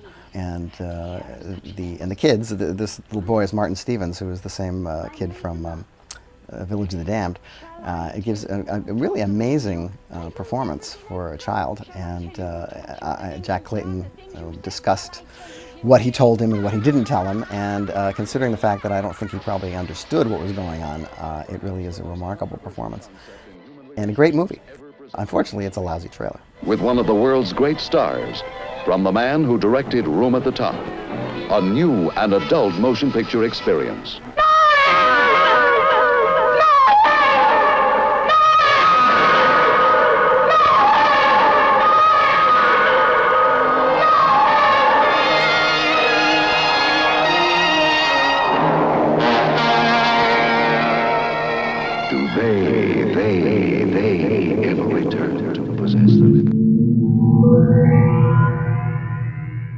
Ja, Clusterfuck the Movie. The Exorcist 3, a.k.a. Legion, a.k.a. William Peter Blatty's Exorcist 3. Geregisseerd dus door William Peter Blatty, de, de schrijver van de originele The Exorcist boeken, was dat waarschijnlijk? Of scenario? Ja, boek- Ja, boek en scenario, boek. Ja, ehm, is een film van 1990 die 110 minuten duurt als je de theatrical cut kijkt en 105 minuten als je de director's cut kijkt en ook 110 minuten als er op de doos 105 minuten staat van uw DVD. Bij mij stond er 106 minuten zelfs. Of 106 minuten. Ehm, ik weet niet hoe dat zit met Maarten, maar hij heeft waarschijnlijk ook uiteindelijk de theatrical release gezien. Ik heb, ik, heb, ik heb de Diene gezien. Kijk, ik zal hem eventjes voor jullie dingen houden. En daar staat op... Wacht, hè, ik ga... Maar c'est en français, monsieur. Maar ouais, c'est en Ah, ouais, français. c'est Je- l'exorciste, je vais- euh, mais je, je vais, du, euh, je vais, je vais expliquer quand c'est c'est mon C'est tour. hein. William Peter Blatty. Ja, maar ik Euh, ben al ça, bezig c'est met ici mijn intro. eh, allee. 106, 106. 106 Ah, ja. staat er Die hier. stond bij mij ook 106. Oh ja. ja, dat is misschien 105,49 en dat die mensen Alors, zegt... va continuer "Ah, wel, français Nee, ou, want, euh? want die mens gaat dat niet afgerond hebben, want het is effectief 110 minuten, de, die schijfjes. In elk geval. Nee, het was een uur 45. Allee, het was ook geen 106 dan, hè, maar het staat bij, ik dus, heb gekeken... Dus je hebt de, de, de Legion Cut gezien dan? Maar, Ik heb, Nee, ik heb, ik heb dezelfde cut gezien als de, Ma als de Maarten. Ja, en dat die is een ook- theatrical die is onder een Dus 10, op hè, mijn- want die heb ik gisteren Dus gezien. op mijn doosje staat er 106 en als ik de DVD pauzeerde, was het een uur 45. Ja, ik ook. Ah, bij mij was het een uur en 50, de theatrical. Nee, een uur 45. een nee, uur 45 ja. en 20 seconden. Ja, maar ja, ik spreek over mezelf. Een uur 45 en- en 20 seconden, dacht ik. Zijn er dan misschien drie versies? What the, whatever the fuck. Eh, Het is een clusterfuck, hè? Bart heeft al gezegd. Ja, eh, bij mij was het onder een 10 minuten. Ik ken waarover iets meer wacht. Dus, The Exorcist 3, met onder meer George C. Scott, Brad Dourif, Scott Wilson, Nicole Williamson, Ed Flanders en, met een vraagteken, Jason Miller. Nee, Eh, geen In vraagteken. wel. Maar geen vraagteken. Geen vraagteken, wat zit erin? Ja, maar we hadden afgesproken Ja, maar van de niet- niet in de director's cut. Ja, want in de director's cut zit hij niet. Ja, maar ik kan toch alleen maar kijken naar de versie dat Nee, ik heb, hè? Ah ja. Ja, ik weet het, maar hij, wil, hij, was, hij wilde per se de director's cut zien. Maar, maar, even voor alle duidelijkheid, hij staat wel op de generiek van de director's cut. Hij staat er wel op, maar hij zit er niet in. Zit er niet in, ja. Dus, met onder meer George Scott, Brad Dourif, Scott Wilson, Nicole Williamson, Ed Flanders en Jason Miller. De geest... Maar ook met Samuel L. Jackson trouwens. Wat? Nee, Patrick Ewing. Nee, nee, Samuel L. Jackson. Waar zit hij in? Die blinde engel in de droom. Ah, is dat... de- Is dat Ja. Maar er zit Jackson? Patrick Ewing zit er ook in, hè? Er zit Wie? veel volks in die droom. De basketter. Patrick Ewing? Wie is de dat? New York Knicks. Een basketter? Ah, Fabio zit er ook in trouwens. Van Ja, eh, die heb ik ook Temptation. Island. Nee, Fabio van, de, zijn van die boekjes. Van die boekjes. Die Dus in de droom zit- stationsromannetjes. zitten veel cameo's. Ah, ja. ah, is dat een echte figuur, Fabio? Van die stationromannetjes, Ja. die cover? Ja. Ah. Ja. Ja, dus met onder meer George C. Scott, Brad Dourif, Scott Wilson, Nicole en Williamson, hoofd- Flanders en en Jason is er Miller. gizmo bijgekomen. De geest van Pater Damian. oh, dat was echt eh, niet expres. De geest... De geest van Pater Damien Carras. Father. Pater? Pater? De geest van Nee, Pater. father. Wat een vader? Ik ken Dat pastoor. Ja, jongen, ik ken dat gewoon van... Jongen, ik heb 20 minuten voor tijd gehad voor Maar voorbereiding. Dat- pater is geen pastoor, hè? maar ik ken dat gewoon van Movie NL gepakt. Ik kan geen tijd voor iets voor te Staat er bereiden. bij Movie NL pater? Weet ik dat toch? Ja, maar ik heb dat niet zelf geschreven. Ze al Als sinds... Allee. copy-paste is waarschijnlijk wel, Ja, hè? Met onder meer George C. Scott, Brad Dourif, Scott Wilson, Nicole Williamson, Ed Flanders en Jason Miller. De geest van pater Damien, allez, vader Damien Carras, die 17 jaar geleden stierf, is overgenomen door een seriemoordenaar. De moordenaar vermisvormt priesters en dokters en gebruikt oude vrouwen als verdachten. Wat? Ja, dat klopt al niet. Maar- Die komt er niet uit. Maar wacht een keer. Laat me nu opnieuw. Laat me nu doen. Met onder meer George C. Scott, Brad Dourif, Scott Wilson, Nicole Williamson, Ed Flanders en Jason Miller. De geest van vader Damien eh Karras, die 17 jaar geleden stierf, is overgenomen door de seriemoordenaar. De moordenaar misvormt priesters, dokters en gebruikt oude vrouwen als verdachten. Inspecteur Kinderman, gespeeld door George C. Scott, gaat op onderzoek uit en zal een uitdrijver moeten vinden om aan de moorden een einde te maken. Dus, we hadden afgesproken, we gaan naar de director's cut kijken. Blijkt, Sven en Maarten, jullie hebben eigenlijk niet de director's cut, maar de theatrical cut. Het was voor mij mijn tweede visie en ik, ik had gezegd, allee, we hadden gezegd, we gaan de director's cut kijken.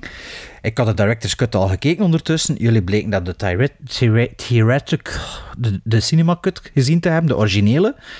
Dus ik heb toch gisteren nog een keer gekeken naar de the- theaterversie, allee, de cinemaversie. Dus de originele cut. Dus de originele cut is wat we nu gaan bespreken.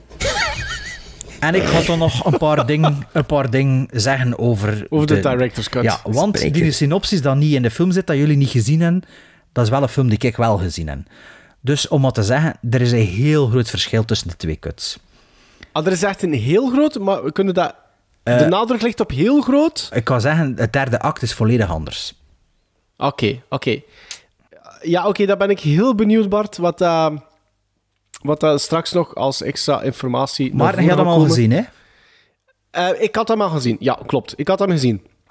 Ehm, ik heb neergeschreven, ik denk ooit rond mijn zeventiende, en de reden waarom dat ik dat zeg, eh, was dat ik een Franse box had gekregen met de trilogie op DVD. L'Exorciste. L'Exorciste. Eh, waarvan de eerste film ook die, al, al die 25-jarige anniversary edition Met die extra was. Dus scènes met de Waar dat die spiderwalk Ja. scene op de, op de trap in zit.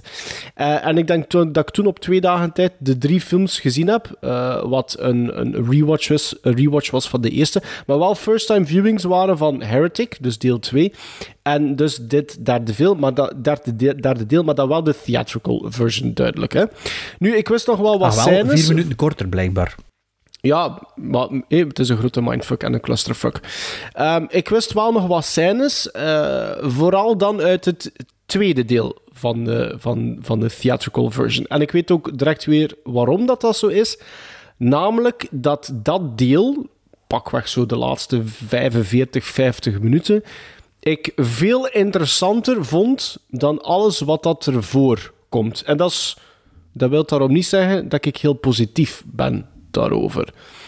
Ehm, William Peter Blatty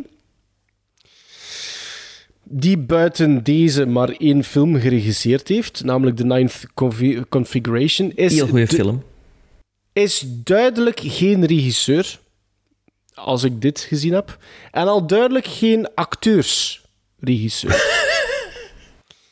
ik kreeg de neiging dat iedereen in die film maar wat aan het doen is, Wow, wow, wow. zonder Pas op enige wat allemaal guidance. zegt, Maarten. Ja, maar ik heb alleen maar de theatrical gezien, hè, Bart de Duitse. Hmm.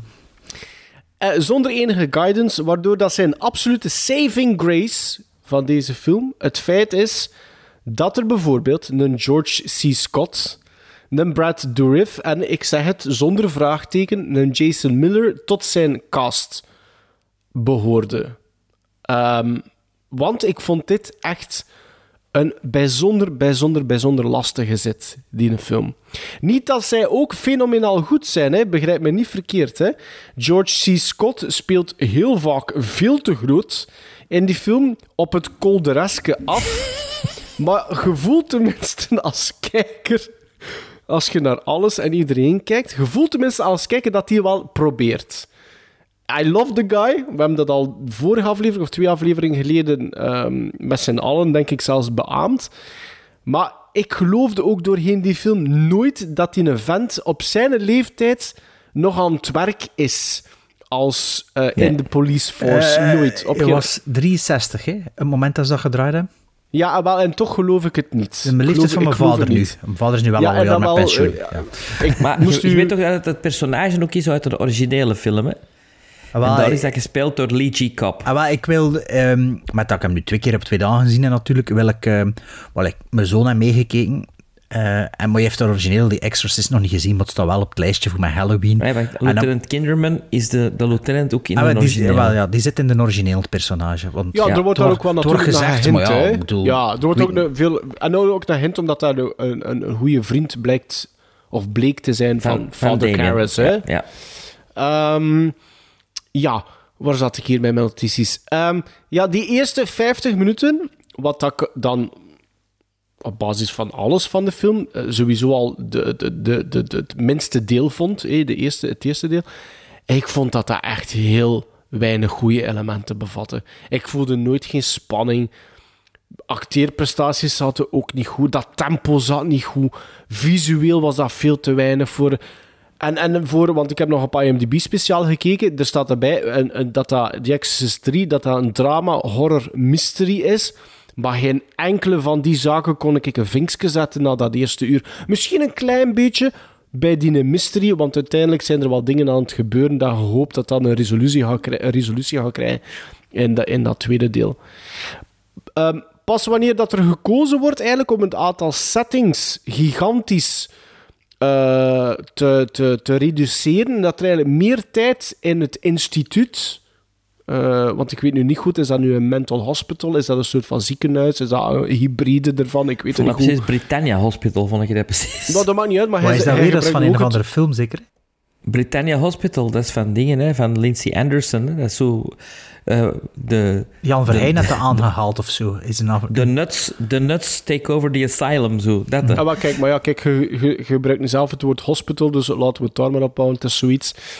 Ehm, nu, maar pa- pas wanneer dat de film kiest om meer zich daarop te focussen, op die setting, vind ik het iets, iets, ietsje beter worden. Ehm, de cel dan tussen aanhalingstekens, want ik weet niet goed wat dat is, is een soort van gevangenis, is voor isolatieruimte, ik weet het niet, waar dat ja, Brad Dourif dan inzet, laten we dat maar zeggen. En waar dat George C. George C. Scott ook wat tijd in doorbrengt, is, is eindelijk, vind ik, qua setdesign, qua belichting en dergelijke, voor het eerst, voor, voor mij als kijker, een beetje leuk om naar te kijken. Ehm, en het heeft dan ook eindelijk een beetje dreiging. Ehm, maar ook daar valt die William Peter Blatty gewoon gigantisch door de mand, want bij de theatrical dan maar weer. Hopelijk heeft Bart dan, dan, dan heel wat positievere dingen te zeggen. Uiteindelijk, die Brad Dourif steekt daar eigenlijk gewoon een gigantische monoloog af, waardoor dat er ook geen enkele dreiging meer in die film zit. Want geluisterd naar die man en die vertelt gewoon hoe dat het van A tot Z in elkaar zit. Dus... dat- en, en, en, het- En de ook, zijn dus. Allee, ja. en het ridicule daarvan is, is dat William Peter Blatty in de montage, of toch de theatrical, of waar, allee, wie dat, dat ook gedaan heeft, en hoe weinig dat William Peter Blatty daar dan ook mee te maken had, dan nog de noodzaak voelt om toch nog weer uit die setting te gaan, om dan nog een keer emphasis te leggen dat er iets niet aan de hand is, om dan opnieuw naar dat... Dus het is allemaal een beetje... Oh. Maar door die gigantische monoloog... Mag ik daar iets over inpikken? Ja. Ja, maar ja, wacht. Ja, wat ik ging maar zijn over die monoloog? Door die gigantische monoloog zat maar geen zin nog af, hè? Ja, ik vond die, de, de, de monoloog hier ook weer van Dourif is ook weer voor mij een teken dat William Peter Blatty geen acteursregisseur is. Want hoewel dat ik dat niet slecht gebracht vind, is het natuurlijk niet nodig om continu met tranen in uw ogen en een, en, en, en één traan die langs uw wang zit te biggelen van begin tot einde uw monoloog te brengen. Daarboven is dat qua montage zit dat niet goed. Dat is veel te flats. Dat, is, dat, is, dat, dat heeft ook geen dreiging. Want er wordt veel te weinig geïntercut naar reacties van Scott, naar misschien elementen dat je had kunnen eh, aanspekken in die, in die cel. Is dat nog altijd dezelfde zin? Of, eh, omdat, maar ja, er Sven, zitten Sven veel comma's zeggen. in. Sven ging iets ja, maar er zitten veel comma's in. Eh, maar er zit gewoon een, dat is gewoon een lack of direction. Sven, ik heb nog vier zinnen, maar pik in. Pik in. Ehm, het probleem met die, die scène was, heb ik opgezocht. Ah, ja. Brad Dourif was eigenlijk ingehuurd om de twist te zijn. Nee, nee, nee, nee. Brad Dourif. Nee, nee, nee. Brad Dourif... Jason dat is- Miller, Jason Miller was, had veel meer tekst. Ook de Nee. monoloog van Brad Nee, Dourif, nee, jawel. nee. jawel. Alles, is gedraaid met, alles is gedraaid met Brad Dourif. De studio wilde dat Jason Miller die rol speelde. Alles is gedraaid opnieuw met Jason Miller. En de compromis was dan dat, dat Brad Dourif er ook nog in zat. En dat ze wisselden van personage. Allee, zelfs de personage door twee acteurs gespeeld werden. En toen is Brad Dourif terug naar de set gegaan en heeft hij alles opnieuw gespeeld. Nou, volgens Brad Dourif eh, kon Jason Miller zijn tekst niet onthouden. En Ah ja, Jason dat was een Miller een alcoholieker, serieus? Ja. drankprobleem. Ehm, en kon hem gewoon die liste monologen niet meer doen. Die dat Brad Dourif deed. Dat heb ik gelezen. Ik vond de keuze, nu dat ik, nu dat jullie hoor praten, ik vond die keuze van er te intercutten tussen die twee, vond ik eigenlijk wel goed. Ik vond dat zeker niet slecht, maar de manier wederom waarom dat, dat gedaan wordt en de, de, de, de, de, de- de- het feit dat dat niet genoeg gebeurt, bijvoorbeeld, dat dat, niet, dat dat een veel grotere mindfuck kunnen zijn als je continu tussen die twee zit te, zit te shiften. Ook voor de personage van George eh, C. Scott, die dan weer op, op verschillende, eh, verschillende manieren had kunnen reageren daarop. Zorgt er gewoon dat dat eh, gewoon een flatse, flatse, flatse bedoeling wordt en blijft. Want ik zeg wel dat dat tweede deel beter is, maar dat wordt hier nergens een hoogvlieger, hè, die film. Je kunt ook voor mij moeilijk nog spreken van een... Ja, horror is al sowieso een stretch. Oké, er zit misschien het tweede deel zo een paar shotjes dat ik zeg van... Oh ja, oké. Maar zelfs van een mystery kun je niet spreken als je gewoon alles zegt aan de kijker wat dat er aan de hand is. Ehm, dus... Ik vond Je dat... ik vond- William ja. Friedkin zijn frustratie wel, die, als je deze film Ja, ik weet, ik weet zelfs niet eens wat dat Friedkin daarover gezegd heeft. Ik weet wat dat Friedkin gezegd heeft over die... Dat, dat, dat, dat, hij blij, allee, dat hij waarschijnlijk blij is dat hij niet meer leeft, nu dat hij een believer in de zalen speelt. Waar dat ik nog niet gezien heb, maar waar daar heel slechte dingen over hoor. Mijn zoon is die gewoon zien en die was, die was zwaar teleurgesteld. Mijn zoon stond gisteren in de cinema en die zei, ah, ik wil dat zien. Maar ja, mijn zoon is 11 jaar. Ja. Ja. 12. Maar dus ik was, ik was, ik was, ik was zeker niet... eh, ja, ik was zeker niet ehm, positief over de, Maar de ja, rewatch. Van de niet- theatrical, Bart, Het was van de natuurlijk niet een theatrical... first-time viewing, hè, in tegenstelling tot Sven, die deze pracht van een film mocht ontdekken. Ja, Ehm, maar laat mij meteen al beginnen met te zeggen dat ik in, eh, niet bij Maarten aanleun. Want ik vond dat echt een hele moeilijke zit, de Exorcist 3. Omdat ik had er heel veel van verwacht, want Bart, jij had dat verkocht als, als een... Oh, een verrassing. Waarom dat die film onder de radar is gebleven, ik weet het niet. Je moet dat zien.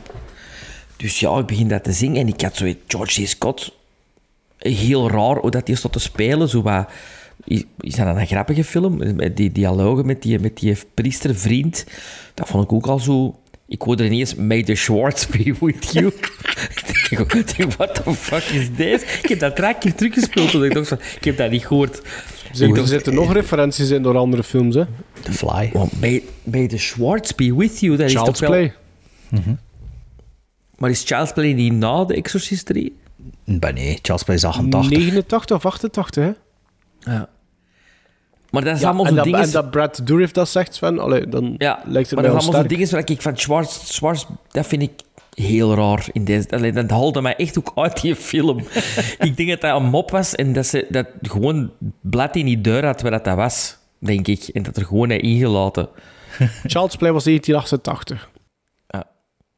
Dus ehm It's a Wonder, die cinema scène, dat ze samen naar de cinema gaan, dat die dan wordt gereden door de police en dan wordt afgezet op de cinema in een interventieachtig iets. Dan denk ik van, the fuck, wat is dit? Wat is dit? Heel raar. Dan inderdaad, Georgie Scott in op een gegeven moment tegen die Nurse Ratchet-achtige figuur. Ja. Zo, zo, met zo'n. Maar zo verschillende keren hè, tegen een verpleegster die ook zoiets komt vragen. Dat zo, snauw, snauw. En ik dacht, wat is dat probleem, gast? Doe eens gewoon.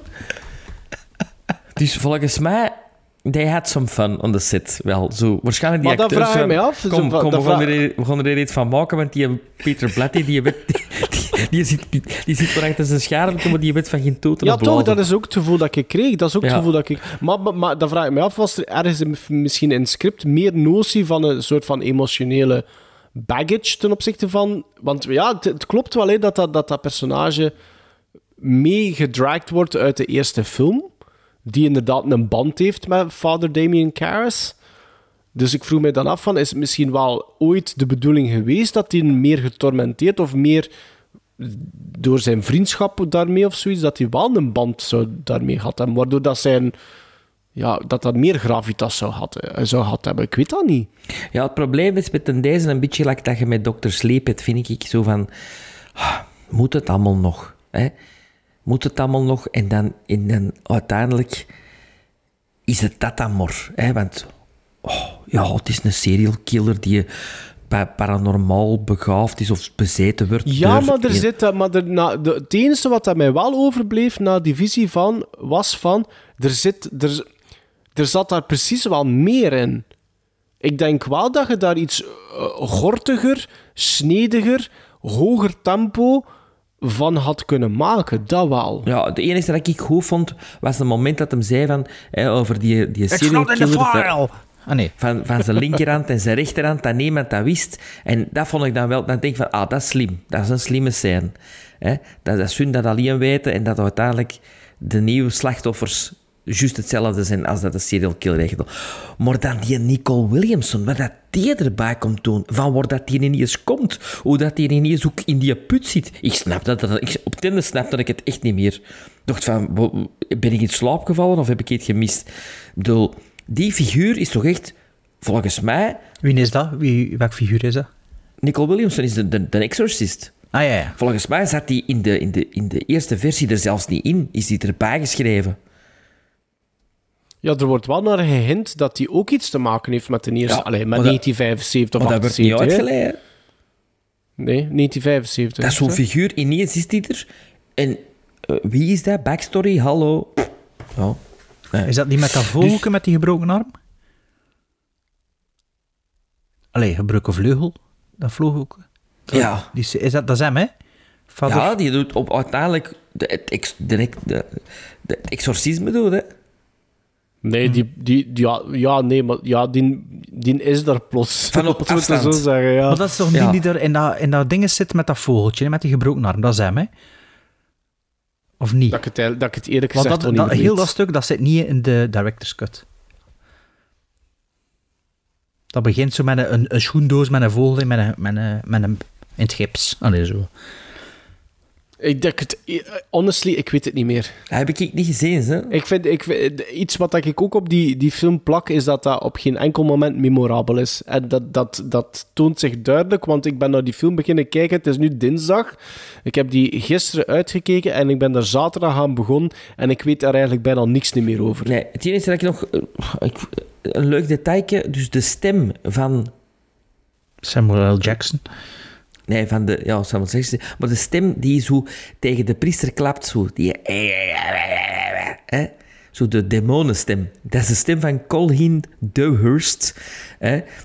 De vrouw van George C. Scott, die ook in The Last Ah, Run ja, ja, ja. eh, zat. Maar die is toch niet gecrediteerd? Nee, Ah ja, maar ze moest ook mee op de set, hè, waarschijnlijk. Ah ja, waarschijnlijk. ja. Maar er is wel... eh, er, is wel er, er wordt wel iets gedaan ook met de stem van... Brad Dourif, de, ja, hè, en dat vond, ik, dat vond ik op zich vond ik dat wel niet slecht. Ik vond dat wel niet, niet zo slecht. Het was subtiel, maar ik vond dat wel goed gedaan. Ik vond deze way. hutse pot van een film. Hutse pot kan ook lekker zijn. Ehm er zijn al twee mis. Dat was mijn, mijn nummer twee first time viewing van 2022, omdat ik er enorm door verrast was. Enkel 1, 2, 3 stond nog een stapje hoger. Deze, en op nummer 3 stond Break, Breakdown. Dus op 2 was het The Exorcist 3. Toen de theatrical cut dat ik gezien had. Wat eh, zot. Nee, nee, ieder vindt die Innocence goed. Maar je weet niet wat dat goed is, want deze hutsepot vind je er slecht. Het is zot. Ehm, ik had destijds, de eerste keer dat ik hem zag, eh, heel weinig verwachting. Want ik had net ervoor die Exorcist 2 gezien. Dat Sven daar juist een dikke duim aan het geven was. Ja, ik vind dat een, on- een onterecht miskende film. Wel, ik had er, toen dat ik The Exorcist 2 ging kijken, dat was er zo een, een van die lijstjes van Martin Scorsese, die je soms een keer op het internet rondzwerft. Dat was ooit een keer ehm, top 10 beste horrorfilms van hem, dat hij ooit een keer op een gegeven moment geschreven had. En in die top 10 stond The Exorcist 2. Dus toen dat ik dat zag, dacht ik van, oh ja, dat gaat wel cool zijn, maar totaal niet. En dus voor de drie had ik dan ook natuurlijk geen verwachting, maar ehm, die werden dan toch wel ingelost. Ehm, ik heb dus inderdaad eerst naar de eh dingescut gekeken, naar de director's cut. Ehm, goh, ja, dus mijn notas zijn daar een beetje op gebaseerd. En- wacht, maar wacht, voor de duidelijkheid. Die notas zijn gebaseerd op de film die jij in 2022 op nummer 2 had gezet. Nee, want dat was de theatrical cut dat ik gezien had. Dat is dezelfde... Ah ja, dat is niet de... Ja, oké, en dat is niet de cut dat wij gezien hebben. Oké, Jawel, ja. Jawel, jawel, jawel, de theatrical cut ik wij heb- gezien. Ik heb Dus in dat zondag- dat ik heb best de twee tweede beste viewing van 2022. Wow. Dat Alright. Mega goed. Ehm, ik ga niet meer mee. Maar, Nee, ik ook dus niet. ik heb in 2020 heb ik een DVD gekocht, eh, gezien dat ik heb. Ik heb nog altijd dezelfde naar jullie hebben. Maar nu was er gezegd, we gaan de director's cut kijken. En hij er, had, nog niet gekeken. Dus ik dus heb... de versie die wij hebben gezien, vond jij dat jaar de nummer 2 van de first time viewings? Absoluut. Ik Maar ben heel benieuwd. dat is Doe vooral verder. Dit hier is zo'n film... Dat is fun van begin tot eind. Dat slot nergens op. Dat... Allee, zeker dat je nog de director's cut gezien hebt. George C. Scott is echt zo onnozel. Zo, ik vind, zegt, is dat voor te lachen? Ik vind dat voor te lachen, die film. Ik vind dat... Dat is van een soort The Wickerman remake niveau. George C. Scott, die zit dat blaffende, inderdaad. Like op een gegeven moment, eh, dat is echt van die verpleester, die komt dus zo, zo vragen en zo, are you fine? Was like ruzie aan het maken zijn. Toen zei ik, yes, we're fine. Zo. Diezelfde non, allee, non-verpleegster, die, die roept dan ook plots zo, who stuck this guy? Of zoiets. Zo van wie dat er in een prikje gegeven. In de director's cut zit er al een scèneke voor, waardoor dat, dat iets meer op iets slaat. Maar ja, ik vind dat... Ja, dat, ja, die film, eh, dat, dat, dat slaat nergens op, inderdaad. Maar ik vind dat van begin tot einde zo fun. Dat Dus dat... het is eigenlijk een worst best movie eigenlijk. Nee, want ik vind, vind nee, dat, dat vind ik niet. Want ik vind dat nog altijd wel een bepaalde kwaliteit had in zijn, in zijn campiness. Dit hier is zo een soort film dat er bijvoorbeeld in... eh, als je naar ehm, eh, de video archive zou luisteren met Tarantino, dat ze met drieën zo lyrisch over zou kunnen zijn en dat het dan inderdaad kijkt en like hij er dan zeggen, wat de fuck is dat hier? Maar bij mij was het dan zo, waar ik een van die drie precies, die me rot geamuseerd met die film. Ik ken, zitten lachen erbij en mijn zoon zat ook te kijken, maar wat zit hij allemaal te lachen? Die, die dialogen, ook zo Brad Dourif, die ja zo ja, die, die ja, inderdaad, uh, uh, ja, de scene, de scene niet alleen aan tune is, maar die er gewoon veel te veel van afbijt. En, topfretten en is. dan topfretten is ze van, wow, wow, wow. En ja, ik vind dat, ik vind dat Ja, Brad. Dourif, die is, schuif, die is, die is een schuif open doen en zei, ik zal eens een Brad Dourifje doen. Wilde een Brad Dourif? Dat is een Brad Dourif. En inderdaad, waarschijnlijk dan die acteurs tegen elkaar gezegd hebben, kom jongen, kijk waar we mee kunnen weggeraken. En ze raken er overal mee weg. En ik vind dat, voor mij werkt dat in die film. Die, eh, die eh, ja, is de ziekenhuisdirecteur of is de ward? allee, dat is dingen. dat is die van The Walking Dead, hè? Ik weet het niet, Ja. ik nog niet. Scott- die, die, Scott met, die met zijn sigaret. Hoe dat die, manier dat hij die sigaret alleen al vast...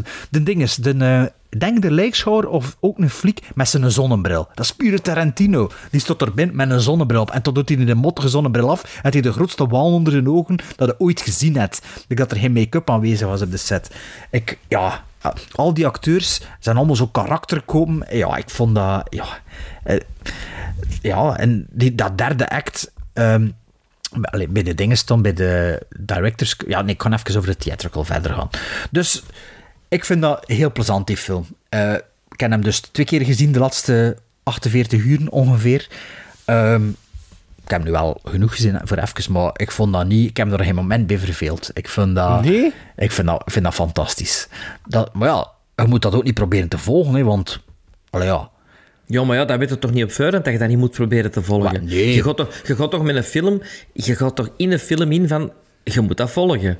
Ja, ja, ja, maar ja, op een bepaald moment we snapte... Allee, we weten dat er niet meer aan het snappen is wat er aan het gebeuren is, of wat er allee, van alles random maar dan gebeurt. heb ik meestal de neiging om te zeggen, vind ik niet goed, ins- instead of the campiness of the, the fun te vinden. Ja, nee, maar natuurlijk had er, had er door een George C. Scott staan net. Maar de kaart wordt niet de, maar de kaart wordt wel niet volledig getrokken. Dat, dat, dat, daar zijn het ook wel toch over eens. Van Best Worst Movie. Of, Nee, van de on, allee, of zoiets van. eh, de ja, Pieter, is- Blatty, Pieter, Pieter Blatty weet niet wat dat hij aan het doen is, dus we gaan hem, we gaan hem een keer goed, eh, goed, Ah, goed liggen hebben. Nee, maar ik denk dat dat dan misschien studio interference was, of, of eh, reshoot. Allee, ik weet het niet. Er is iets aan die film, allee, dat ook heel geforceerd voor dan een sequel van te proberen te maken. En in de beide versies. De eh, twee zelfs- wordt volledig vergeten, hè? Ja, ja. In de twee zit er wel een hele goede scène, dat ik me goed herinner. Zo met in die, die set. Maar, eh, maar het gaat over de drie, hè. Ehm, maar ook, like, dus die director's cut, dat begint met een soort van zwart-wit proloogje, dat eigenlijk ook in de theatrical zit, maar die zit later in de film. En dat dat stuk wanneer dat de, de, de deur openwaait en dat dat Jezusbeeld zijn ogen dom doet. Oh my god, hoe, hoe lachwekkend was dat? Dat is niet in zwart-wit in de, in Nee, de nee, nee, nee. theatrical. Nee, nee, nee, nee, nee. En de director is dat in zwart-wit getrokken en zit dat helemaal in het begin van de film. En ik was zo, wow, wat is dat hier? Dat wist ik niet meer. En eigenlijk redelijk snel in de director's cut zit er wel met VHS, VHS-kwaliteit erin eh, tussen gekut. En dat is, ja... Dat is wel heel af, afleidend, vind ik. Eh, omdat je voelt ook dat heel veel van die scènes is er eh, precies niet, niet echt moeite en tegenspel gesproken. Dus Brad Dourif zit daar zijn ding te doen, andere takes allemaal, hè, want anders zou dat in de director's cut ook in goede kwaliteit zitten. Dus in de director's Oh ja. cut zijn dat eigenlijk beelden van de eerste passage van Brad Dourif. Die er is in. Want eh, Jason Miller, of noemt hij... eh, Eh, Die, die zit er niet in, in de director's cut. Het is pas Ah, met een helemaal ander... niet? Nee, helemaal niet. Het is pas Ah, met nee, die anderen nee. te zien, de acteuren van, ah ja, ja, nee, het is zo, nee, nee, ik heb hem niet gezien. Maar omdat dat zo allemaal in VHS-kwaliteit zit, was dat wel moeilijker voor te zien. Ook in de eerste tien minuten komen er zo al een paar shots van Brad Dourif in zijn cel. En ja, die director's cut is echt nog veel onduidelijker wat er allemaal aan het gebeuren is. De derde act is veel korter, of... of ehm, like bijvoorbeeld in de... Er zit geen exorcisme in, hè? Nee, nee, nee, nee, totaal niet. Like, In de want- director's cut. Nee, het is geen exorcisme in, want eigenlijk de derde act is de helft van de derde act van de theatrical. En toen stopt het. Dus het, de uitkomst van de, van de exorcist zit erin, ja. En dat, dat gedeelte bij, de, bij, de, bij zijn gezin zit erin. Maar dat is eigenlijk, van dat gezin wordt er nog dag gegaan. Hè. Dat Maar stuk- er is er zelfs nog minder spanning dan in de director's ja, cut. dus de- die, die, die, ja, ja, die derde act, dat is echt gewoon een, een dikke soep. Dat is zo dat... Dat, dat, dat, dat klopt. Je voelde, Ah, maar in, nee, maar alle tweede dat cuts, er- in alle tweede cuts voelde dat dat gewoon niet juist zit. Maar Nee, in nee. die, en maar in die eh, director's cut is nog veel meer, af, allee, ehm, veel meer afleiding door die slechte kwaliteit ertussen. En toen ook dat je duidelijk merkt van, ah ja, die geluid, dat geluid is niet goed, of dat is niet afgemixt, of eh, niet beter dan dat. En je hoort ook dat George C. Scott gewoon zijn, zijn of als het al Scott is, maar denk het wel, zijn tegenspel aan het aflezen is. Of, allee, dat hij niet aan het acteren is. Ja, ja, dat hij gewoon aan. Omdat hij weet dat hij off-camera is. Voilà, ja, ja. voilà. En ja, dat is wel heel, eh, heel ja, af, afleidend. Wat er wel is, dus de, de vriendschap tussen de, de priester eh, en George C. Scott in het begin in de director's cut, dat is wel beter. Dat wordt veel meer uit de doek gedaan. Want je zegt, de priester zegt dan zo van... ehm, van eh, de priester zegt dan zo van... ehm, ja, eh, ik moet elk jaar hem gaan opbeuren op, die, op deze dag. En in de director's cut zegt George. Scott hetzelfde tegen zijn familie over die priester. Dus ze denken van elkaar... Dus dat was wel veel cooler, dat ze eigenlijk voor dezelfde reden naar daar gaan, maar ze denken alle twee dat het voor de anderen is. Juist, want Dat in de theatrical is maar één van de twee die dat zegt. Ja, één man van de twee die dat zegt. Dan is er ook al zo veel meer, veel meer dialoog en zo, en dan ook in die cinema, en dan gaat het plots over eraserheid zelfs, dus eh, de fly wordt aangehaald, maar plots komt eraserheid ook ter sprake. Dat was, dat, ja, ik weet niet wat er daar allemaal aan het gebeuren was. En ook trouwens, helemaal in het begin, als George C. Scott in beeld komt, is hij toch over Macbeth bezig of zo, of over een of andere Ja. Shakespeare-play. Also, Ja. En je is, het is- zo, in het begin van de film wil ze zo laten uitschijnen dat, dat er zo'n intellectueel is. Want tegen zijn dochter zegt hij ook, die vertrekt naar de dansles, van eh, watch out for red shoes, dat dan een referentie is naar Ja, de red shoes. naar de red shoes. Maar ja, dat is, dat is, een, ja, dat is een fliek, maar wel een culturele fliek, precies en zo. Maar voor de rest van de film verdwijnt dat zo wat. Maar ja, May the Schwartz be with you. May the Schwartz be with you. Daarvoor zit er ook een fantastische scène tussen die twee, die nog een stuk erin zit, dat ze zo ruzie aan het maken zijn over zijn broer of zo. Hé, dat is, eh, zit dat in de De broer is gestorven in Vietnam. in. En zei, ja, ja, dat, dat is echt een comedy scène. Dat is... Dat, dat is en toen, toen bijna screwball comedy, dat is het een achter het ander. zo. En toen als zo, hey, toen, eh, wacht, ik heb het hier genoteerd. Eh, Neem ja, eens wat boekjes mee, want ik heb de deze allemaal ja, ja. uitgelezen. En toen, en toen, hey, toen komt die verpleegster al zo vragen en zo, ja, wat is er een probleem? Zo, nou, we're fine. Ik kreeg dan een snak onder haar voeten. En toen gaat die dialoog zo verder en toen zegt hij iets van, ja, ik kan ook last van. En toen zegt hij, ja, call the desk, ask a room. En ik, ik lag in plaats van te lachen met die scène, die twee, jongen. Dat was, terwijl ik Gaston en Leo, maar toen, allee, beter misschien.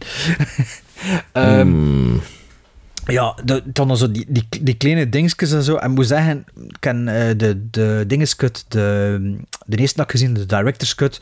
Ja, ik kan hem laat beginnen kijken, ik heb hem niet in één keer uitgekeken, maar ik zat wel na 40 minuten mega in die film. Ik dacht, ja, het is omdat ik hem verder keek dat nu niet, niet in elkaar valt. Maar eh, eigenlijk ook dat niet. Ik heb toch verder gekeken. En omdat jullie dan die andere cut gezien hebben, word ik dan ook wel benieuwd naar alle verschillen tussen de twee. Omdat ik echt kan hem vers gezien. Dat ik eigenlijk eh, kan gisterenmorgen heb ik hem uitgekeken. En dan gisteren dan s'avonds de eh, theatrical cut gezien. En ik heb eigenlijk met alle twee me wel geamuseerd. En het was ook wel een keer tof voor te zien wat het verschil was tussen de twee. En welke verschil dat je kunt maken. Dat is wel, los van de film, interessant voor keer te zien. Omdat je ook wel kunt zien hoe, ehm, wat dat montage teweeg kan brengen. Of allee, sommige scènes worden later ingekut of vroeger weggekut. En dat maakt wel een verschil. Like die schoonmoeder in de theatrical cut, dus, die is zo wat racistisch. Hè. Eerst maakt ze zo'n joden, iets, zegt ze iets over de joden en toen iets van Pocahontas. En in, Ja, de, ja, ja, en in de juist. director's cut is dat niet. Dat zit daar niet in, die dingen. Dus, want die zegt dan wel, ja, mijn schoonmoeder is er, maar voor de rest had die nog minder te, te zeggen en zo. Ehm, Dat vooral van die Kerper, allee. Ja, Ja, en dat komt in de, in de eerste Exorcist, eh, in, in, de, in een boek wordt er ook over geklapt. Over die, ka- de film. over die karper die leven moet Ja. Dat is ook zo'n onnozele scène. Dat die, die dialoog met zo'n serieus gebracht. En dan ook... Hey, dan wil hij de file ook zien van, ja, van Brad Dourif. En dat stond een andere keer dat hij zo plots van 0 naar 100 had. Zo, it's not in the file. Maar in de director's cut is er nog een hele scène tussen dat hij dan die file gaat halen, dat hij die file krijgt, dat hij die file aan het bestuderen is. En terwijl in de theatrical wordt dat gekut, vraagt ja, wie het hem van de verpleegster kut die verpleegster, die dan ook een dialoog in heeft met I'm a bitch of zoiets. Ja, maar, dat, dat is om, om- ook omdat er al een klein scène nog niet daarvoor, maar er is al een- Oh, zo'n oh, kleine oh, altercation tussen die het twee. hè. personage van die verpleegster ook totaal ongeloofwaardig. Oh, ja, ja, natuurlijk, maar allemaal ongeloofwaardig. hè. Maar daarom niet geen En slechte dat film. smoren in dat ziekenhuis, dat smoren. Ja. En ik was aan het denken, in 90 was dat toch niet, hè? Dat je in het ziekenhuis mocht smoren? Tja. Dat weet ik niet. Of dat weet ik.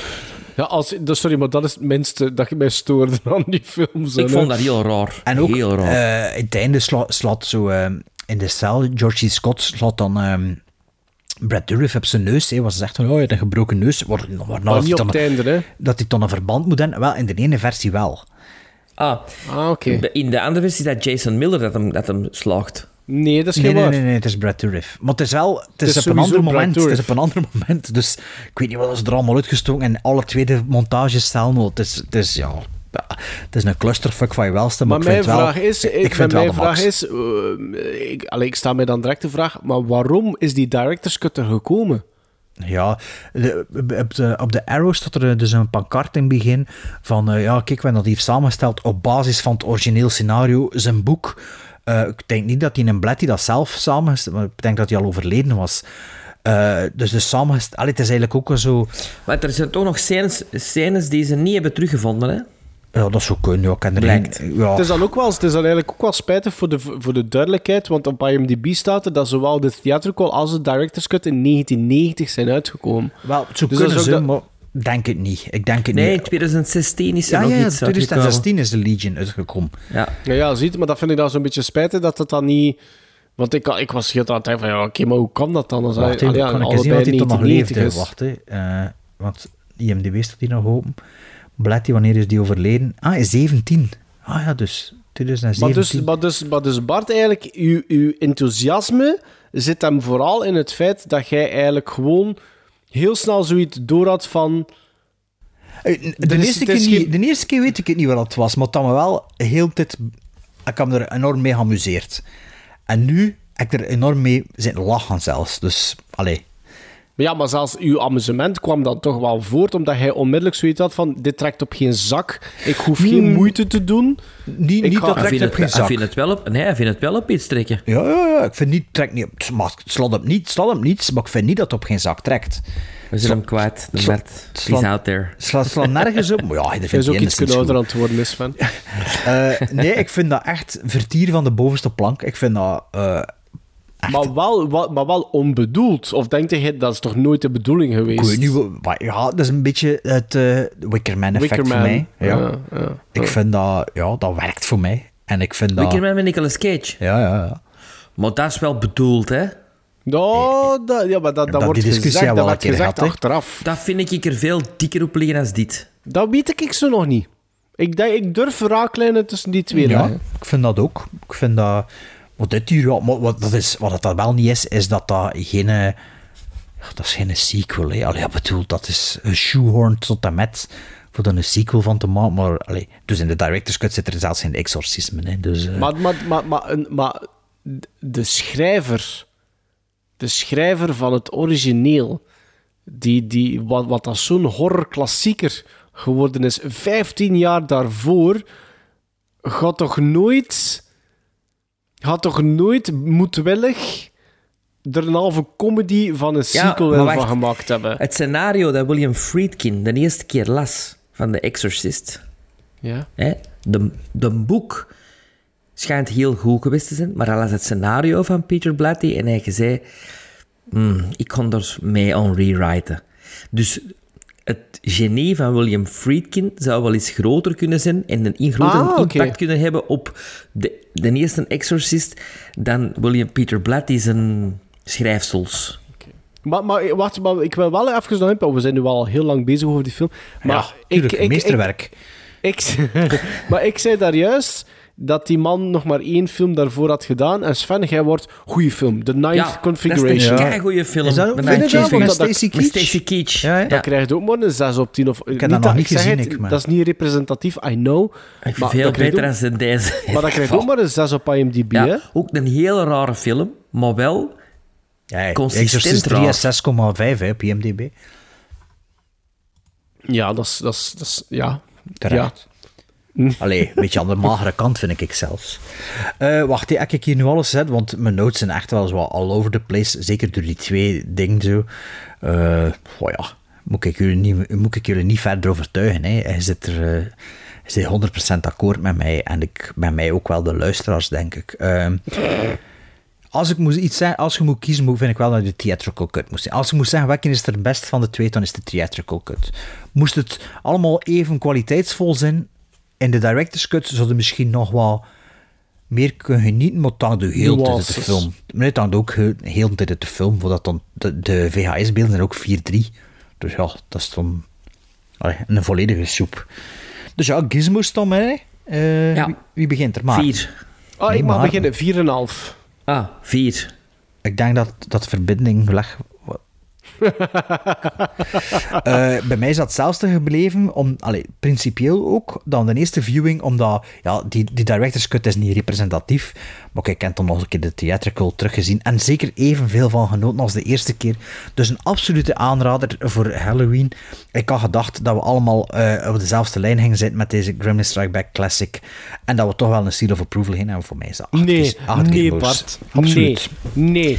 Nee, Crazy, nee. crazy, crazy, En jij crazy. vindt dit, een, de, jij vindt dit een, niet alleen een classic, maar ook passende binnen het Halloween-segment? En beter dan The Innocence? Allemaal, ja, het zal wel zijn, zeg.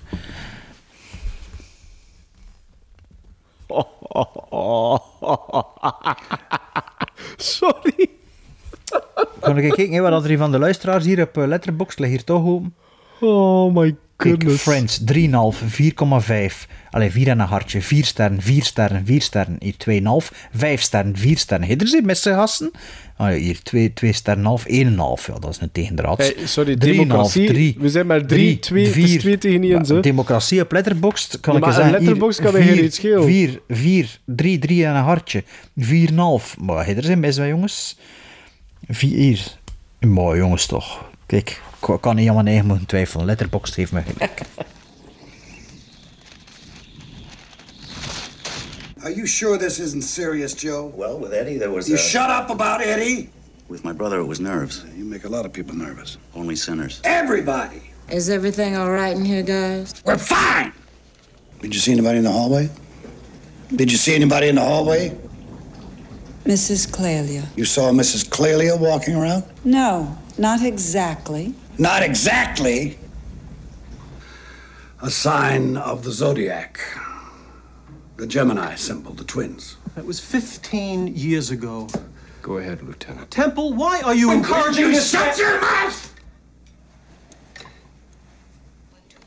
Stretch your memory. What was he wearing when they brought him in? Do you recall? That was quite some time ago. Was he dressed like a priest? Like a priest? Were there any signs of injuries, blood, lacerations? That would be in the file. It is not in the file. You son of a bitch! I believe. My God! Then, of course, no one notices pearls before sun. We're fine! Yes, volgende aflevering zijn we weg van de horror. Hè. Allee, mag het toch hopen dat je er nu geen horror in jullie bakjes smeten. En... Ja, Sven, Ah. trekt, Sven, Sven trekt al een muil, en Maarten trekt ook al een muil. Allee, dus eh, jullie zijn natuurlijk niet zo ver aan het denken dan ik. Maar ja, kijk, jullie wel dus maar ik zie graag horror. Ja, ja, ja, ja. Dus de volgende aflevering doen we voor onszelf eh, en ook voor de luisteraars die minder eh, met oude films bezig zijn. Nog een keer nieuwe films. Hè. We moeten eh, een keer wat nieuwe films aanhalen.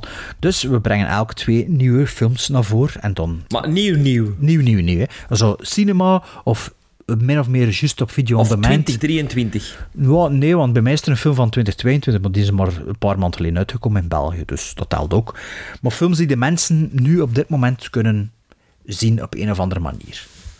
Allee, Sven, want hij had een horrorfilm. Kan wel. Ja.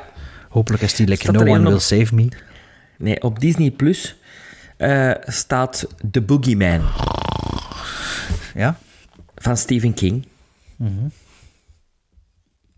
Van Het zijn 2023. twee films hè, dat je naar voren moet brengen. Ja. Ah, ja. En op Prime een film met Jamie Foxx en Tommy Lee Jones, The Burial. Een courtroom drama die goede kritiek krijgt. Van wie? Dezelfde mensen die No One Will Save Us goede kritieken gegeven hebben? Of, of mensen die The Exorcist 3 fantastisch vinden? Eh maar naar de hele voorkeur? Ehm boah, Dat wie- ik was fan dat je de reptile, een reptile naar voren ging brengen. Eigenlijk. Ja, maar die heb ik al gezien. Ah ja, voor je eigen makkelijk Ja, te oké, maken. En maar ja, dat doet er niet toe. Ja, Ja. van die twee... Ah, mag dat, Reptile? Ah, waarom niet? Ik, ik heb hem speciaal niet gepakt, want ik dacht, ah ja, Sven, zal die, want die was er zo lyrisch over. Ah, oké, ja, dan wil ik Reptile wel naar verder dragen. Ja, moet hem niet opnieuw bekijken, voor Oké, een maar week doet, en, en welke doe je dat weg? Ja? Eh, Boogeyman dan. Dus Reptile of Burial? Burial. The Burial, ja. Ja. Maar hij wilde de Boogeyman King, of wat? Nee. Ik ook niet eens, hè. Mai. Blij dat Eh, al dat, dat wil ik Reptile, want ik hoor daar ook... Ja, Ja, Sven vond dat ook goed, heb ik gezien. Ja, absoluut. En ik wil dat... Allee, ik, allee, ik kan hem speciaal niet op mijn lijst zetten. Ik dacht, joh, Sven zal hem er wel op zetten. Maar kijk. Ah, ja, oké, zover was ik natuurlijk niet. Ah. De reptile Ja, ik- dan? Ja. ja Reptile, hè. Kijk, Sven, je moet dan maar, een film, je moet dan maar twee films kijken voor de volgende aflevering. Of misschien drie. We, we shall see. Hè? Allee, maar een hit dan? Ja, ik had, er, ik had er drie, maar dat was afhankelijk van of dat we eventueel tijd zouden hebben met ons drie om, om ja, naar Ah, de ja, cinema maar- te kunnen trekken. Ah, Maar ja, drie. Dat is die dat we al besproken hadden sowieso. Dus welke twee hadden behalve die één? Of... Eh, dan had ik eh, Air, die op Prime Video staat, eh, met eh, Ben Affleck en Matt Damon en Jason Bateman, omdat dat wel een thema is dat mij aanspreekt. Dat gaat over de Heb je sponsor. dat niet de- al besproken in eh What Did the Watchmen Watch? Dat Of denk ik niet. Nee, Oh. dat denk ik niet. Nee. Dus dat gaat over, het, over de eerste deal met Michael Jordan eigenlijk van een, eh, van een shoe brand. Hè. Mhm. En ik had, ja, ik had dan afhankelijk van die in ene film, had ik dan ook als backup The Burial. Gewoon puur omdat ik daar wel oké dingen over hoor. En met alle respect, het is, ik had precies al. ehm, het was precies al lang geleden dat ik nog een keer de naam van Tommy Lee Jones had gehoord. En dan had ik zoiets van: ah, Tommy Lee Jones, ja, daar wil ik wel nog een keer een film van zien. Dus in die optiek had ik dan voor die twee films gekozen. Maar waar dan mijn lichte voorkeur misschien dan wel naar Air zou gaan. Wow. Ik heb Air al gezien. Koosana, heb je dat Ik ook. Ja. En, The Burial Ah. stond ook op uw lijstje. Dus ik zou liever al The Burial zien. Ja? Oké. Ik was niet zo zot van Air, eerlijk gezegd. Ja, Allee, ik vond dat vond oké. dat oké, ja. Maar we hebben dat niet besproken volgens mij met de podcast hoor. Niet met z'n drie alleszins, maar ik Dat heb dat zal in de, dat zal, jullie gaan dat volgens mij gezien hebben in de zomer. En niet besproken hebben in de eerste aflevering na de zomer. Hmm, volgens mij heb ik dat voor de dat in zomer de, zo- in de zomer gezien. Volgens mij heb ik Ja. dat in Pa- in Parijs gezien. Dacht dat ik Ja, in maar dat staat, dat staat niet op Letterboxd, dus we hebben dat niet besproken in de podcast. Nee. Ik heb dat gezien op 8 mei. Zie je het? Ik zat in Parijs voor mijn werk, ik weet het nog. Ehm, Ik heb juist, juist gekeken, het staat niet op Letterboxd, dus niet besproken. Dus maar jullie liever dan The Burial dan met twee? Ja, eigenlijk wel. Ja, oké, is goed. Burial is 2 uur en 6, dacht ik. Oh, maar dat, dat gaat er wel in. Dus de Burial, en wat is het andere? Ik heb 15 mei. Ja, voilà. Wat was het, eh, Sven? Burial en Reptile. Reptile. Ah ja, Reptile. Dus Eh, Netflix en Prime. Ja, eh, mijn eerste film staat ook op Netflix. Eh, Het is een film van Joel Taylor, of Joel Taylor. Eh, een film van 2 uur en 2 minuten met Jamie Foxx. Is dat Jamie Foxx ook niet in The Burial? Ja. Ja. ja. En de, met Jamie Foxx, John Boyega en Theona Paris. En dat is They Cloned Tyrone op Netflix. Ehm, en de andere film is een film eh, wat dat zo een beetje een sleeper hit is, zo het geval. Een film van 91 minuten van Jalmari Helander en een hoop Finnen die we niet kennen, waarschijnlijk wat Duitsers. Sinner? Eh, nee, eh, een film van genaamd Sisu. Over, Ah, eh, Sisu, bedoel- ja, over, ja. over de eh, Finse sniper eigenlijk. Hè. Ja, dat schijnt plezant te zijn. Dat Ja, schijnt dat, dus dat krijgt, wel... dat krijgt ook wel veel mindere kritieken hoor. Wel, ja, kijk, eh, de bal is niet- niet, niet- voor mij dat een soort nobody eigenlijk. Of- of dingen, zo, Downer die Exorcist uithangen, 3. maar... Alle Debbie Downers. Die, die, clone, die clone Tyrone of... Ja, dan, maar ja, we hebben alleen maar Jamie Foxx en... Ja, en dat zei maar echt niks. Eerlijk gezegd. Ja, dan Sisu dan, hè. dat staat op Netflix ook, dacht ik. Hè. Of wat is dat? wel? Eh, ik weet niet meer wat het staat. Ja, dat staat zeker op een streaming. Ja, ik heb daar eens tegengekomen, dacht ik. Ehm, Oké, maar we hadden natuurlijk nog een ander plan.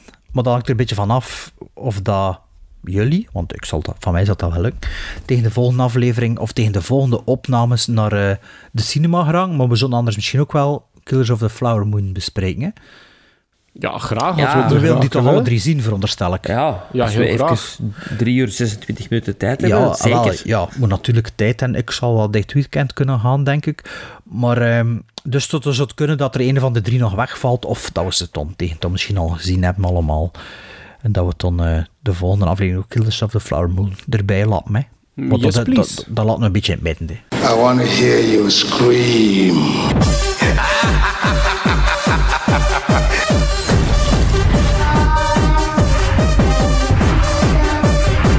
Don't you want to What's your favorite scary movie? They're coming to get you, Barbara. You gotta be fucking kidding. That the power you! We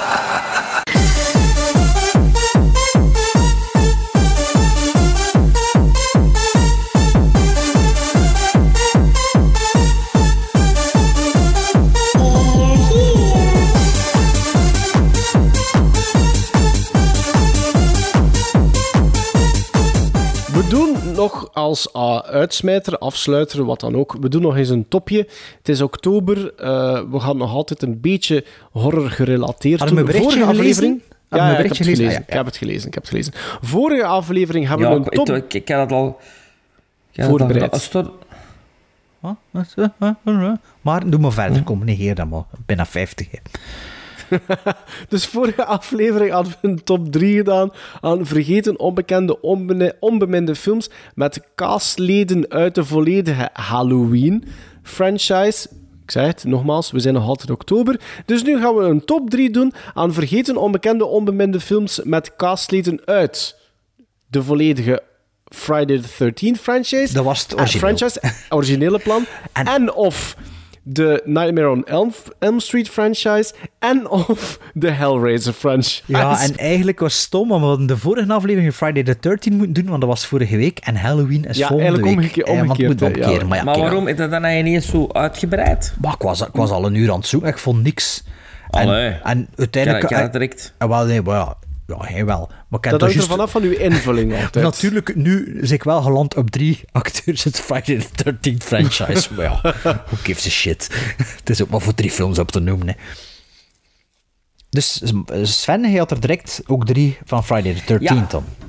Ah. Yes. Ja, en ik ga beginnen. Ik ga gewoon chronologisch beginnen. Het zijn, ik heb drie films uit 1986 gevonden. Drie films uit is al plezant. 86. Ja.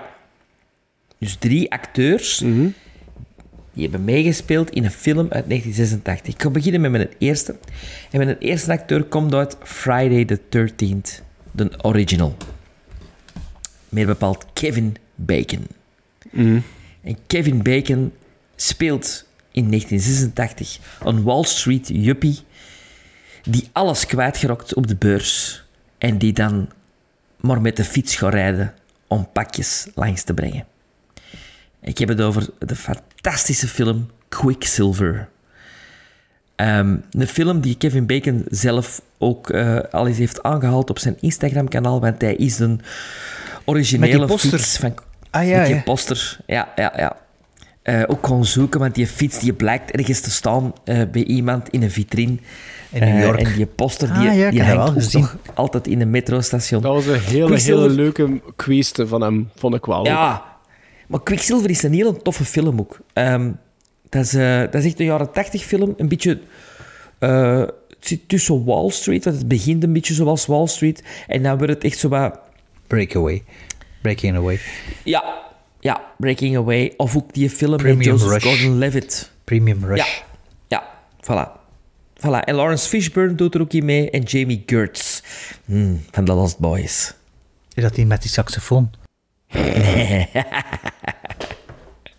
Dat is Fabio. Wannabe zelfs. Van dingen van eh, Temptation Island, zeker. Eh, ja, het is aan mij. Ehm, ik heb ze gerangschikt van hoe goed ik de films vind. Eh, ik heb ook mijn top 3 samengeraapt, een kwartier voordat we moesten op- opnemen, want ik had niet zoveel tijd. En ja, Dus het zijn er eigenlijk alle drie van de Friday the 13th franchise. Deze acteur speelt Jimmy in Friday the 13th The Final Chapter en speelt in de andere film Bobby McBurney. Het over Crispin Glover. Speelt mee in The Final Chapter. En die speelt ook mee in een film van 1993 van Lasse Halmstrom. What's Eating Gilbert Grape met Johnny Depp vooral. En ehm, beginnende Leonardo DiCaprio, die daar een achtjarig jongetje speelt, terwijl hij 17 is of zo, denk ik. Met de eerste Oscar-nominatie. Ja, met een, eh, met een beperking. Hè. Ik weet niet precies, eh, een mentale beperking heeft hij. Ehm, ik heb die film ook op DVD, maar nog niet herbekeken sinds ik die op koop VHS ooit gekocht heb. Toen heb ik hem twee keer gezien of zo. Ik vond dat eigenlijk een, een best wel een goede film, waar ik nu heel weinig nog over herinner. Dus ehm, Johnny Depp moet voor zijn broer en zijn moeder zorgen, als ik me herinner. En er komen andere mensen op de proppen. Maar hoe precies dat het eh, in elkaar zit, weet ik niet meer. Maar ik weet wel dat ik dat wel eh, een klein verrassingsje vond. En ik denk dat het ondertussen wel een beetje een vergeten film is. Voor ons nu wel niet, maar voor de doorsnee luisteraars. En ik denk dat hij ergens op een streamer staat ook. Dat ik hem een keer die staan. Maar ja, het kan ondertussen er ook alweer af zijn. Daarom dat we dat dus op eh, fysieke media kopen. Onze films. Dus What's Eating Gilbert Grape van 1993. Een drama van 118 minuten. Met onder 30 andere jaar oud. Crispin Glover speelt er blijkbaar in mee. En ook Juliette Lewis. Ik heb geprobeerd, of een poging ondernomen, om net zoals de vorige aflevering geprobeerd om zoveel mogelijk binnen het, het griezel-horror-genre te blijven. En daarom heb ik op nummer 3 een film uit 1996 gekozen met in een hoofdrol Corey Feldman, die we kennen uit eh, Friday the 13th, The Final Chapter, oftewel deel 4 eh, van die franchise. Het gaat hem over een Tales from the Crypt film, waarvan dat ik denk toch iedereen het over eens is dat Demon Knight eh, de beste film is. Ik heb het dan niet over de Amicus Tales from the Crypt films, maar dan de echte Tales from the Crypt films Bordello from. Blood. eh, Bord- Bord- Bordello of Blood. Ja, eh, klopt. Demon Dus Knight film- en... Wat is de eerste? Nee, Demon, nee, Demon Knight, Bordello of Blood. En de derde is iets met voodoo. Is het... Ah ja, Tales... Nee, iets met? Tales? Nee, nee, ik weet het niet meer. Nee, dus, dus ik, die van 96 is Bordello of Blood, wat dat de tweede is eh, in die trilogie, laten we dat maar zeggen. En dat gaat over een, een, een, een, een, een bordeel waar dat er in het geheim eh, de vampieren aan de macht zijn. En die bord- dat bordeel bevindt zich binnenin een mortuarium. Het is een hele tong-in-cheek film, wat al een, natuurlijk wel een beetje gemeengoed is voor de Tales from the Crypt franchise en dan zeker voor de films. Ehm, minder dan Demon Knight, maar ik vind dat wel altijd een genietbare zit. Dat schippert voor mij altijd eh, rond de 6. Maar dat is eigenlijk een perfecte film als je zo'n keer een horroravondje wilt mee beginnen. Of zelfs misschien wilt afsluiten. Eh, eh, naar gelang het uur waarop dat je, er, eh, er- dat je eraan begint. Maar ik vind dat een toffe film. Dat, dat is over de top ehm, acteerprestaties. Er zit daar een female met de. Cryptkeeper in, of niet? Altijd, hè, het begin en het Ah, einde. ja, Ja, dat is echt niet de Amicus... eh zijn Nee, de. Amicus-films. eh, Dat is Sven, Ralph Richardson. ja, Sven heeft die ook alle drie gezien. hè. Dat zijn oude mannen die Ja. aan het babbelen zijn. Hè, eh, Maar in een heel goed, Maar wel leuk, ja. Ja. Qua anthology-films zijn dat wel eh leuke Is dat ook zo'n box op eh, Indicator misschien, of niet? Zo'n hammerbox? Nee, dat, is een, Ah ja, dat allee, zijn twee... Nee, die... The Vault of Terror. De en, maar eh, Tales the ah, Crypt en ja, The Vault, of, ja, ja, the Vault of Horror, denk ik. Hè? The Vault Ja. of... ter- Terror. The Vault of Terror? Hij had die al een keer aangehaald. Ja, het is Ik heb dat al een keer aangehaald, ja, inderdaad. Ja.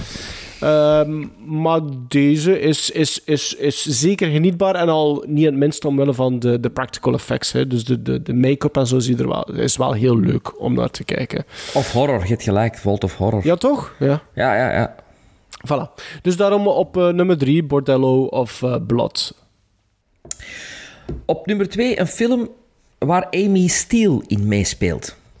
Amy Steele zit in Friday the 13th Part 2. Film uit 1986.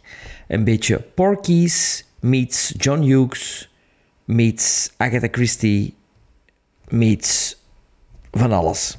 April Fool's Day.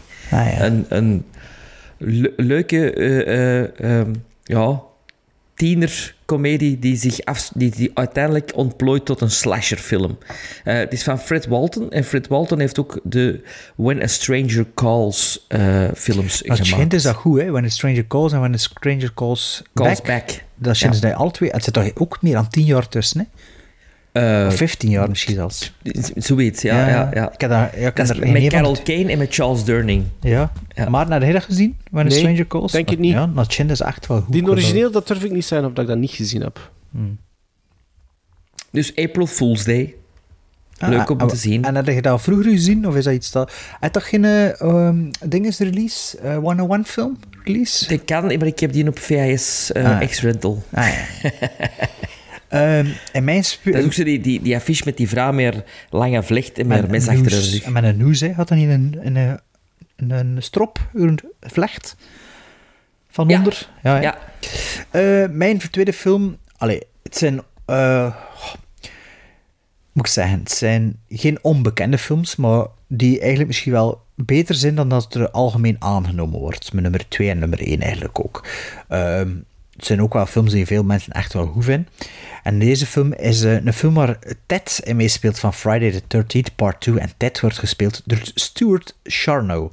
En die speelt in deze film van 1983 van 110 minuten van den Berg. Speelt hij.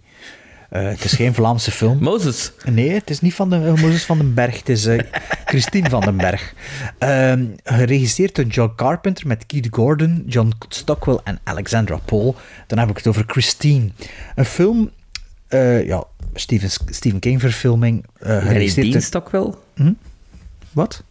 Dean Stockwell, hè? Ah, John Stockwell, een keer gecopy-paste, ja. Ik weet niet. Het zal een John Stockwell in meespelen, zeker.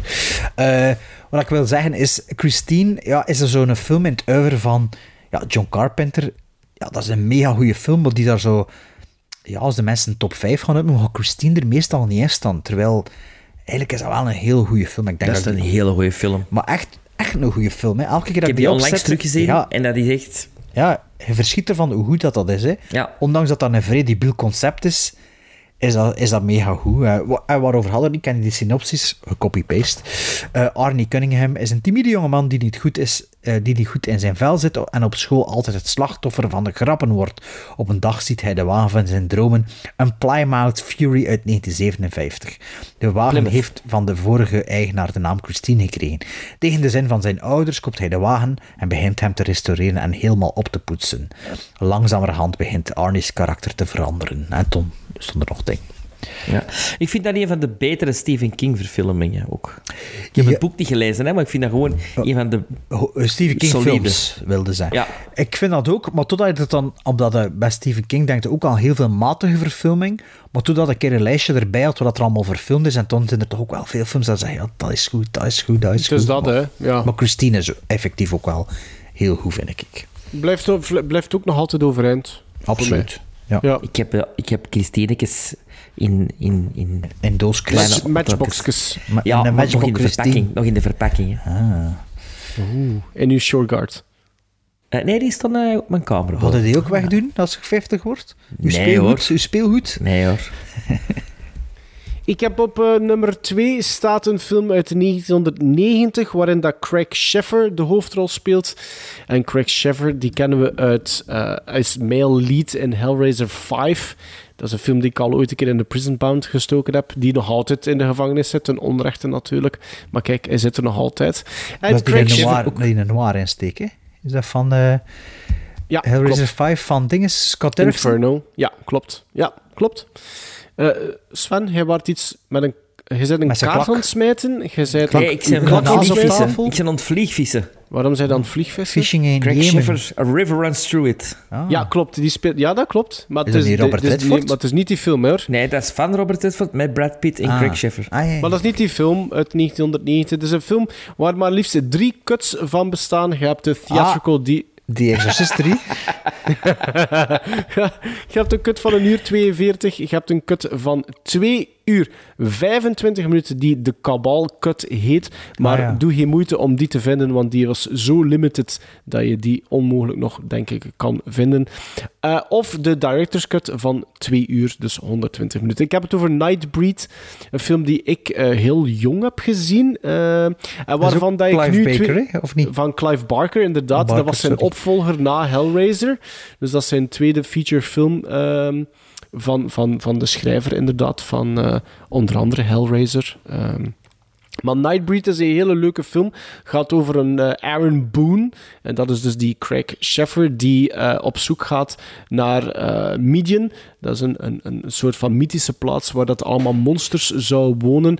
En die wordt ondertussen opgejaagd door een seriemoordenaar. En ik ga niet zeggen wie dat die seriemoordenaar speelt, want dat is zo'n beetje een, leuke, een, leuk extraatje voor mensen die de film nog niet gezien hebben.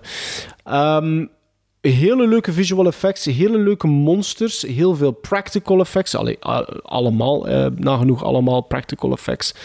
Eh, ik heb daar twee eh, special editions van. Ik heb de, zowel de Scream Factory, want die bevat de, de gerestaureerde versie van de Director's Cut. Maar ik heb ook de Arrow versie, want die bevat beide gerestaureerde versies van. Ah, nee. want die kabal is echt... Die kabal was eigenlijk een work of love van iemand die heel dicht staat bij Clive Barker, die dan de VHS-tapes en de workprints en alles eigenlijk zo wat samengeknipt heeft. Maar die, die had een hele, hele, hele limited release. Eh, en daar is nooit ook een, second pressing van geweest of zoiets. Dus als je die ooit ergens zou kunnen op de kop tikken, dan zou ik dat wel doen. Want dat is, dat is een film allee, dat je eigenlijk bijna niet meer kunt vinden. Eh, maar dus de Arrow-versie heeft bijvoorbeeld de gerestaureerde versies van zowel de theatrical als de director's cut. Dus eh, de, de twee belangrijkste cuts die heb ik gerestaureerd op een boutique-label. maar ik vind dat een hele leuke film. Ik heb die al drie keer gezien. Mijn voorkeur gaat wel naar de naar de eh, director's cut, omdat die narratief ook eh, best wel wat verschillen heeft, net zoals Exorcist 3. 3. Eh, maar in tegenstelling tot The Exorcist 3 vind ik Nightbreed wel degelijk een leukere eh, film. Zeker een, een die niet gaat vervelen, al is het maar omwille van de wereld die gecreëerd wordt. Eh, en eh, ja, ik vind dat een hele toffe, aangenaam monsterfilmpje. Nightbreed op nummer 2. Nooit gezien, maar wil ik al heel lang zien. Hm? Eh, mijn nummer 1 is eh, ehm, ook een film uit 1986. En meer bepaald een acteur die meespeelt in Friday the 13th, The Final Chapter. Maar blijkbaar ook nog in een andere, dat wist ik dus niet. Crispin Glover. eh, speelt dus twee verschillende personages in Friday the 13th franchise. Bart? Eh, oftewel, ik heb de verkeerde film genoteerd erbij. Eh, nee, maar die, nee, nee, Crispin Glover speelde in de final chapter, dat had ik gezegd. Hè. Ja, en in nog een had je gezegd. Nee. Of, ah, oké. Dat dan misbegrepen. En Crispin Glover speelt dus ook mee in een film uit 86, namelijk At Close Range. Een film die ik altijd ehm, hoog heb aangeschreven eh, toen ik hem vroeger zag. En ik heb hem nu een paar jaar geleden teruggezien. Eh, en dat blijft wel een hele goede film. Eh, Sean Penn en Christopher Penn spelen broers, zijn ook in het echt broers. En hun vader in de film is Christopher, Christopher Walken. Ehm, Mary Stuart Masterson speelt de vrouwelijke lead. Kiefer Sutherland speelt de, een van de bad guys. En eh, de regisseur is James Foley. En James Foley eh, kennen we van de films The Chamber met Gene Hackman, van de reeksen House of Cards en van Who's That Girl met Madonna. En met die Madonna heeft James Foley heel veel videoclips opgenomen. En laat het nu zijn dat de titelsong van At Close Range Live to Tell is van Madonna. Dus ja, ik ben zot van Madonna, dus ik ben ook zot van At Close Range. Ooit gezien, deze degelijke speelfilm? Denk het niet. Zeg me niks. Oké. Oké.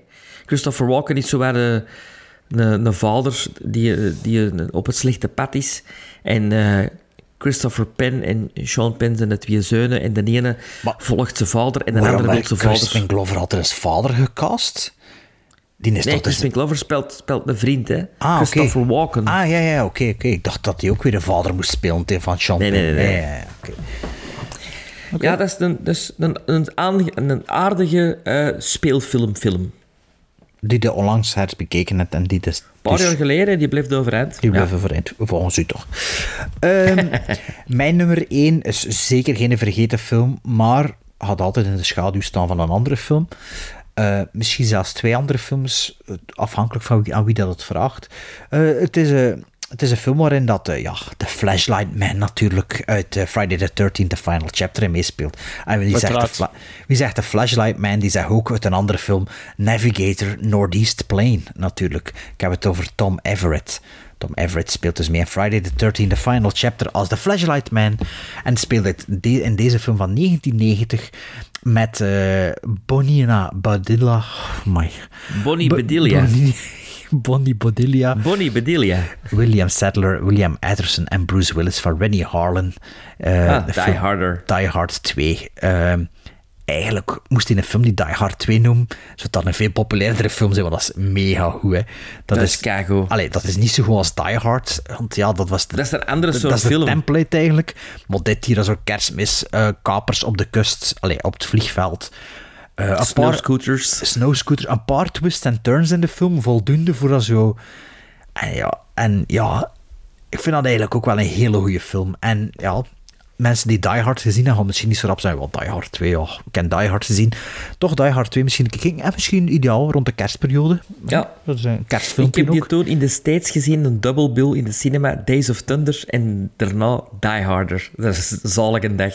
En heette die Die Harder in de States op, eh, in de cinema toen, destijds? Die Hard 2? Die Harder en dan ondertitel Die Hard 2. Ah ja, oké. Want ik was met mijn voorbereiding dacht ik van, ah, dat is cool, dat heet er echt nog gewoon twee. Nu bestaat dat niet meer zo, hè. Allee, er was nu al lang zo'n film met twee en drie. Expendables 4. Expendables, Creed 3. Maar er was ook nog een minder... Allee, met John twee- Wick. Ja, maar geen actiefilm. Maar ook gewoon wat er twee bestond. Maar ik weet niet meer wat dat was. Dus mijn eh, nummer 1, Die Hard 2. Ik heb eh, op nummer 1 gekozen voor ook Kevin Bacon. Een film uit eh, 2004 en een film dat ik eigenlijk alleen maar op VHS gezien heb. Dus ik heb die ooit op een, eh, een rommelmarkt, toen ik nog een VHS-speler had. Sinds vandaag heb ik trouwens weer een VHS-speler. Maar dat is een ander verhaal. Ja, Proficiat. Maarten. Maarten, Proficiat. welcome to the club. Ja, dankjewel, dankjewel, dankjewel. Ehm maar het is een film dat ik effectief alleen nog maar op VHS gezien heb. Een film uit 2004 met Kevin Bacon in de hoofdrol.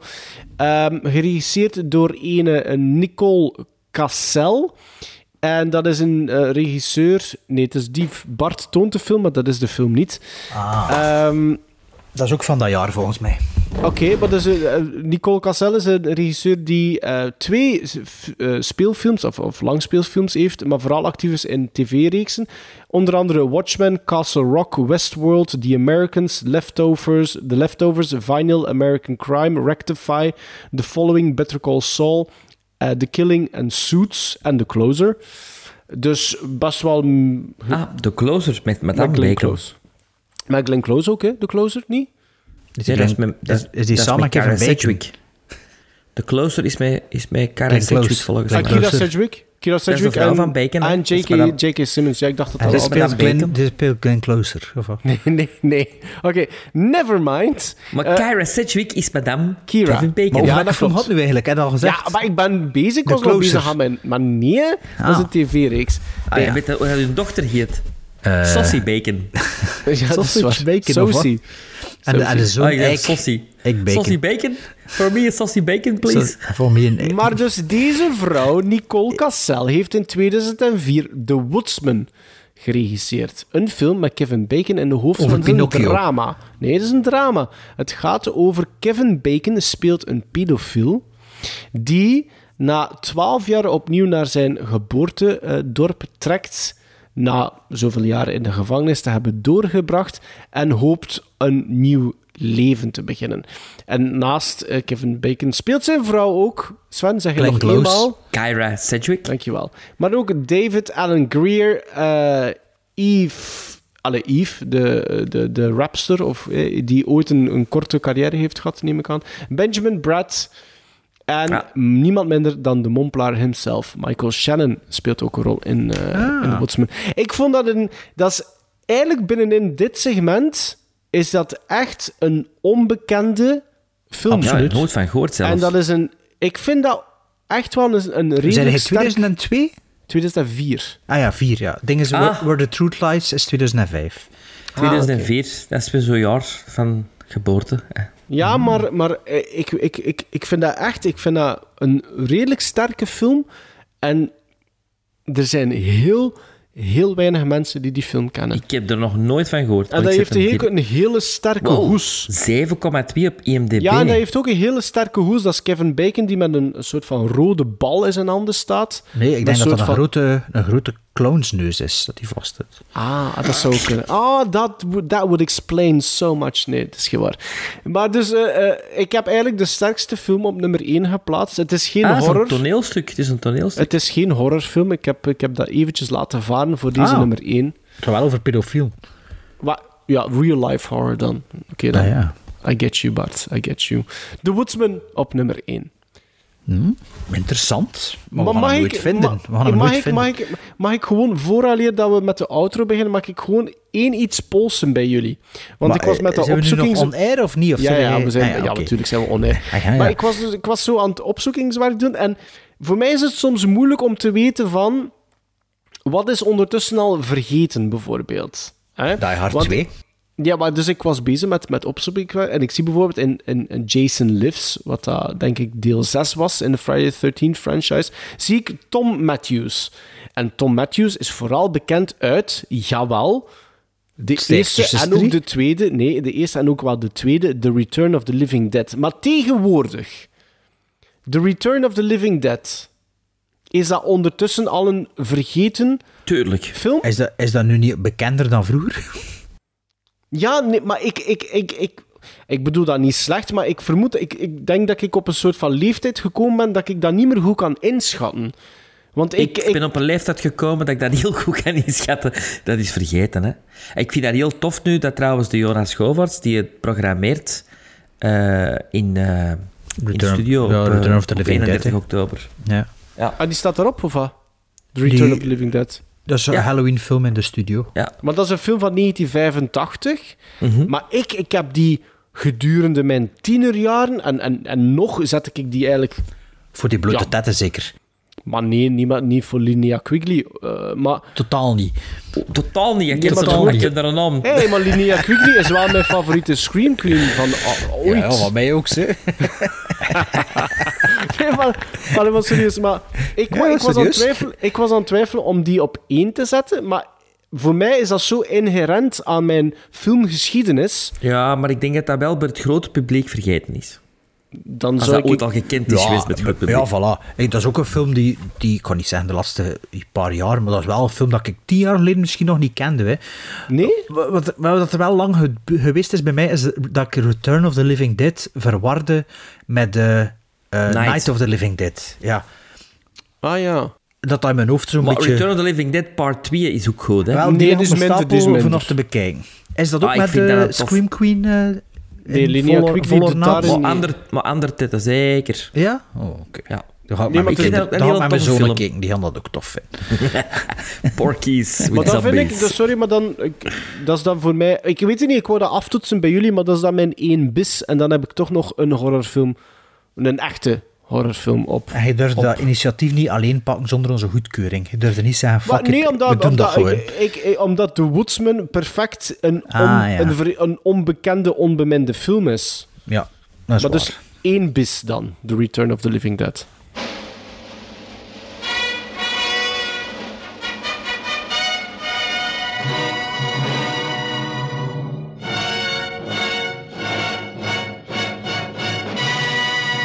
Aflevering 191 zit erop. Het was de tweede aflevering in oktober. Dus de, de, bulk korte, de korte aflevering dat we gingen doen. Oh ja, stel je voor, korte aflevering. Wat een utopie zou dat toch zijn. Eh, dus eh, de, de bulk stond weer al in het teken van het horrorgenre. Maar volgende aflevering zitten we al in eh, november. Dus we nemen afscheid met de Griezels Scene. En we gaan drie films bespreken.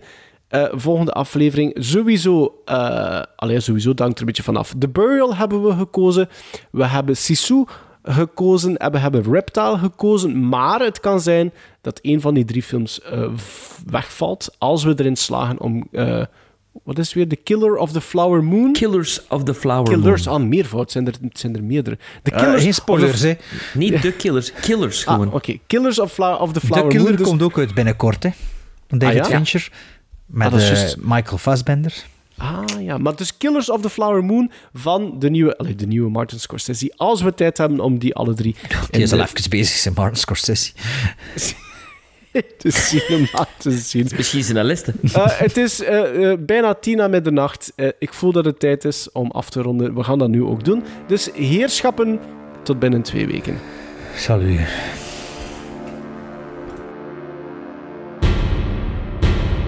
Was that civilized? No, clearly not. Fun, but in no sense civilized.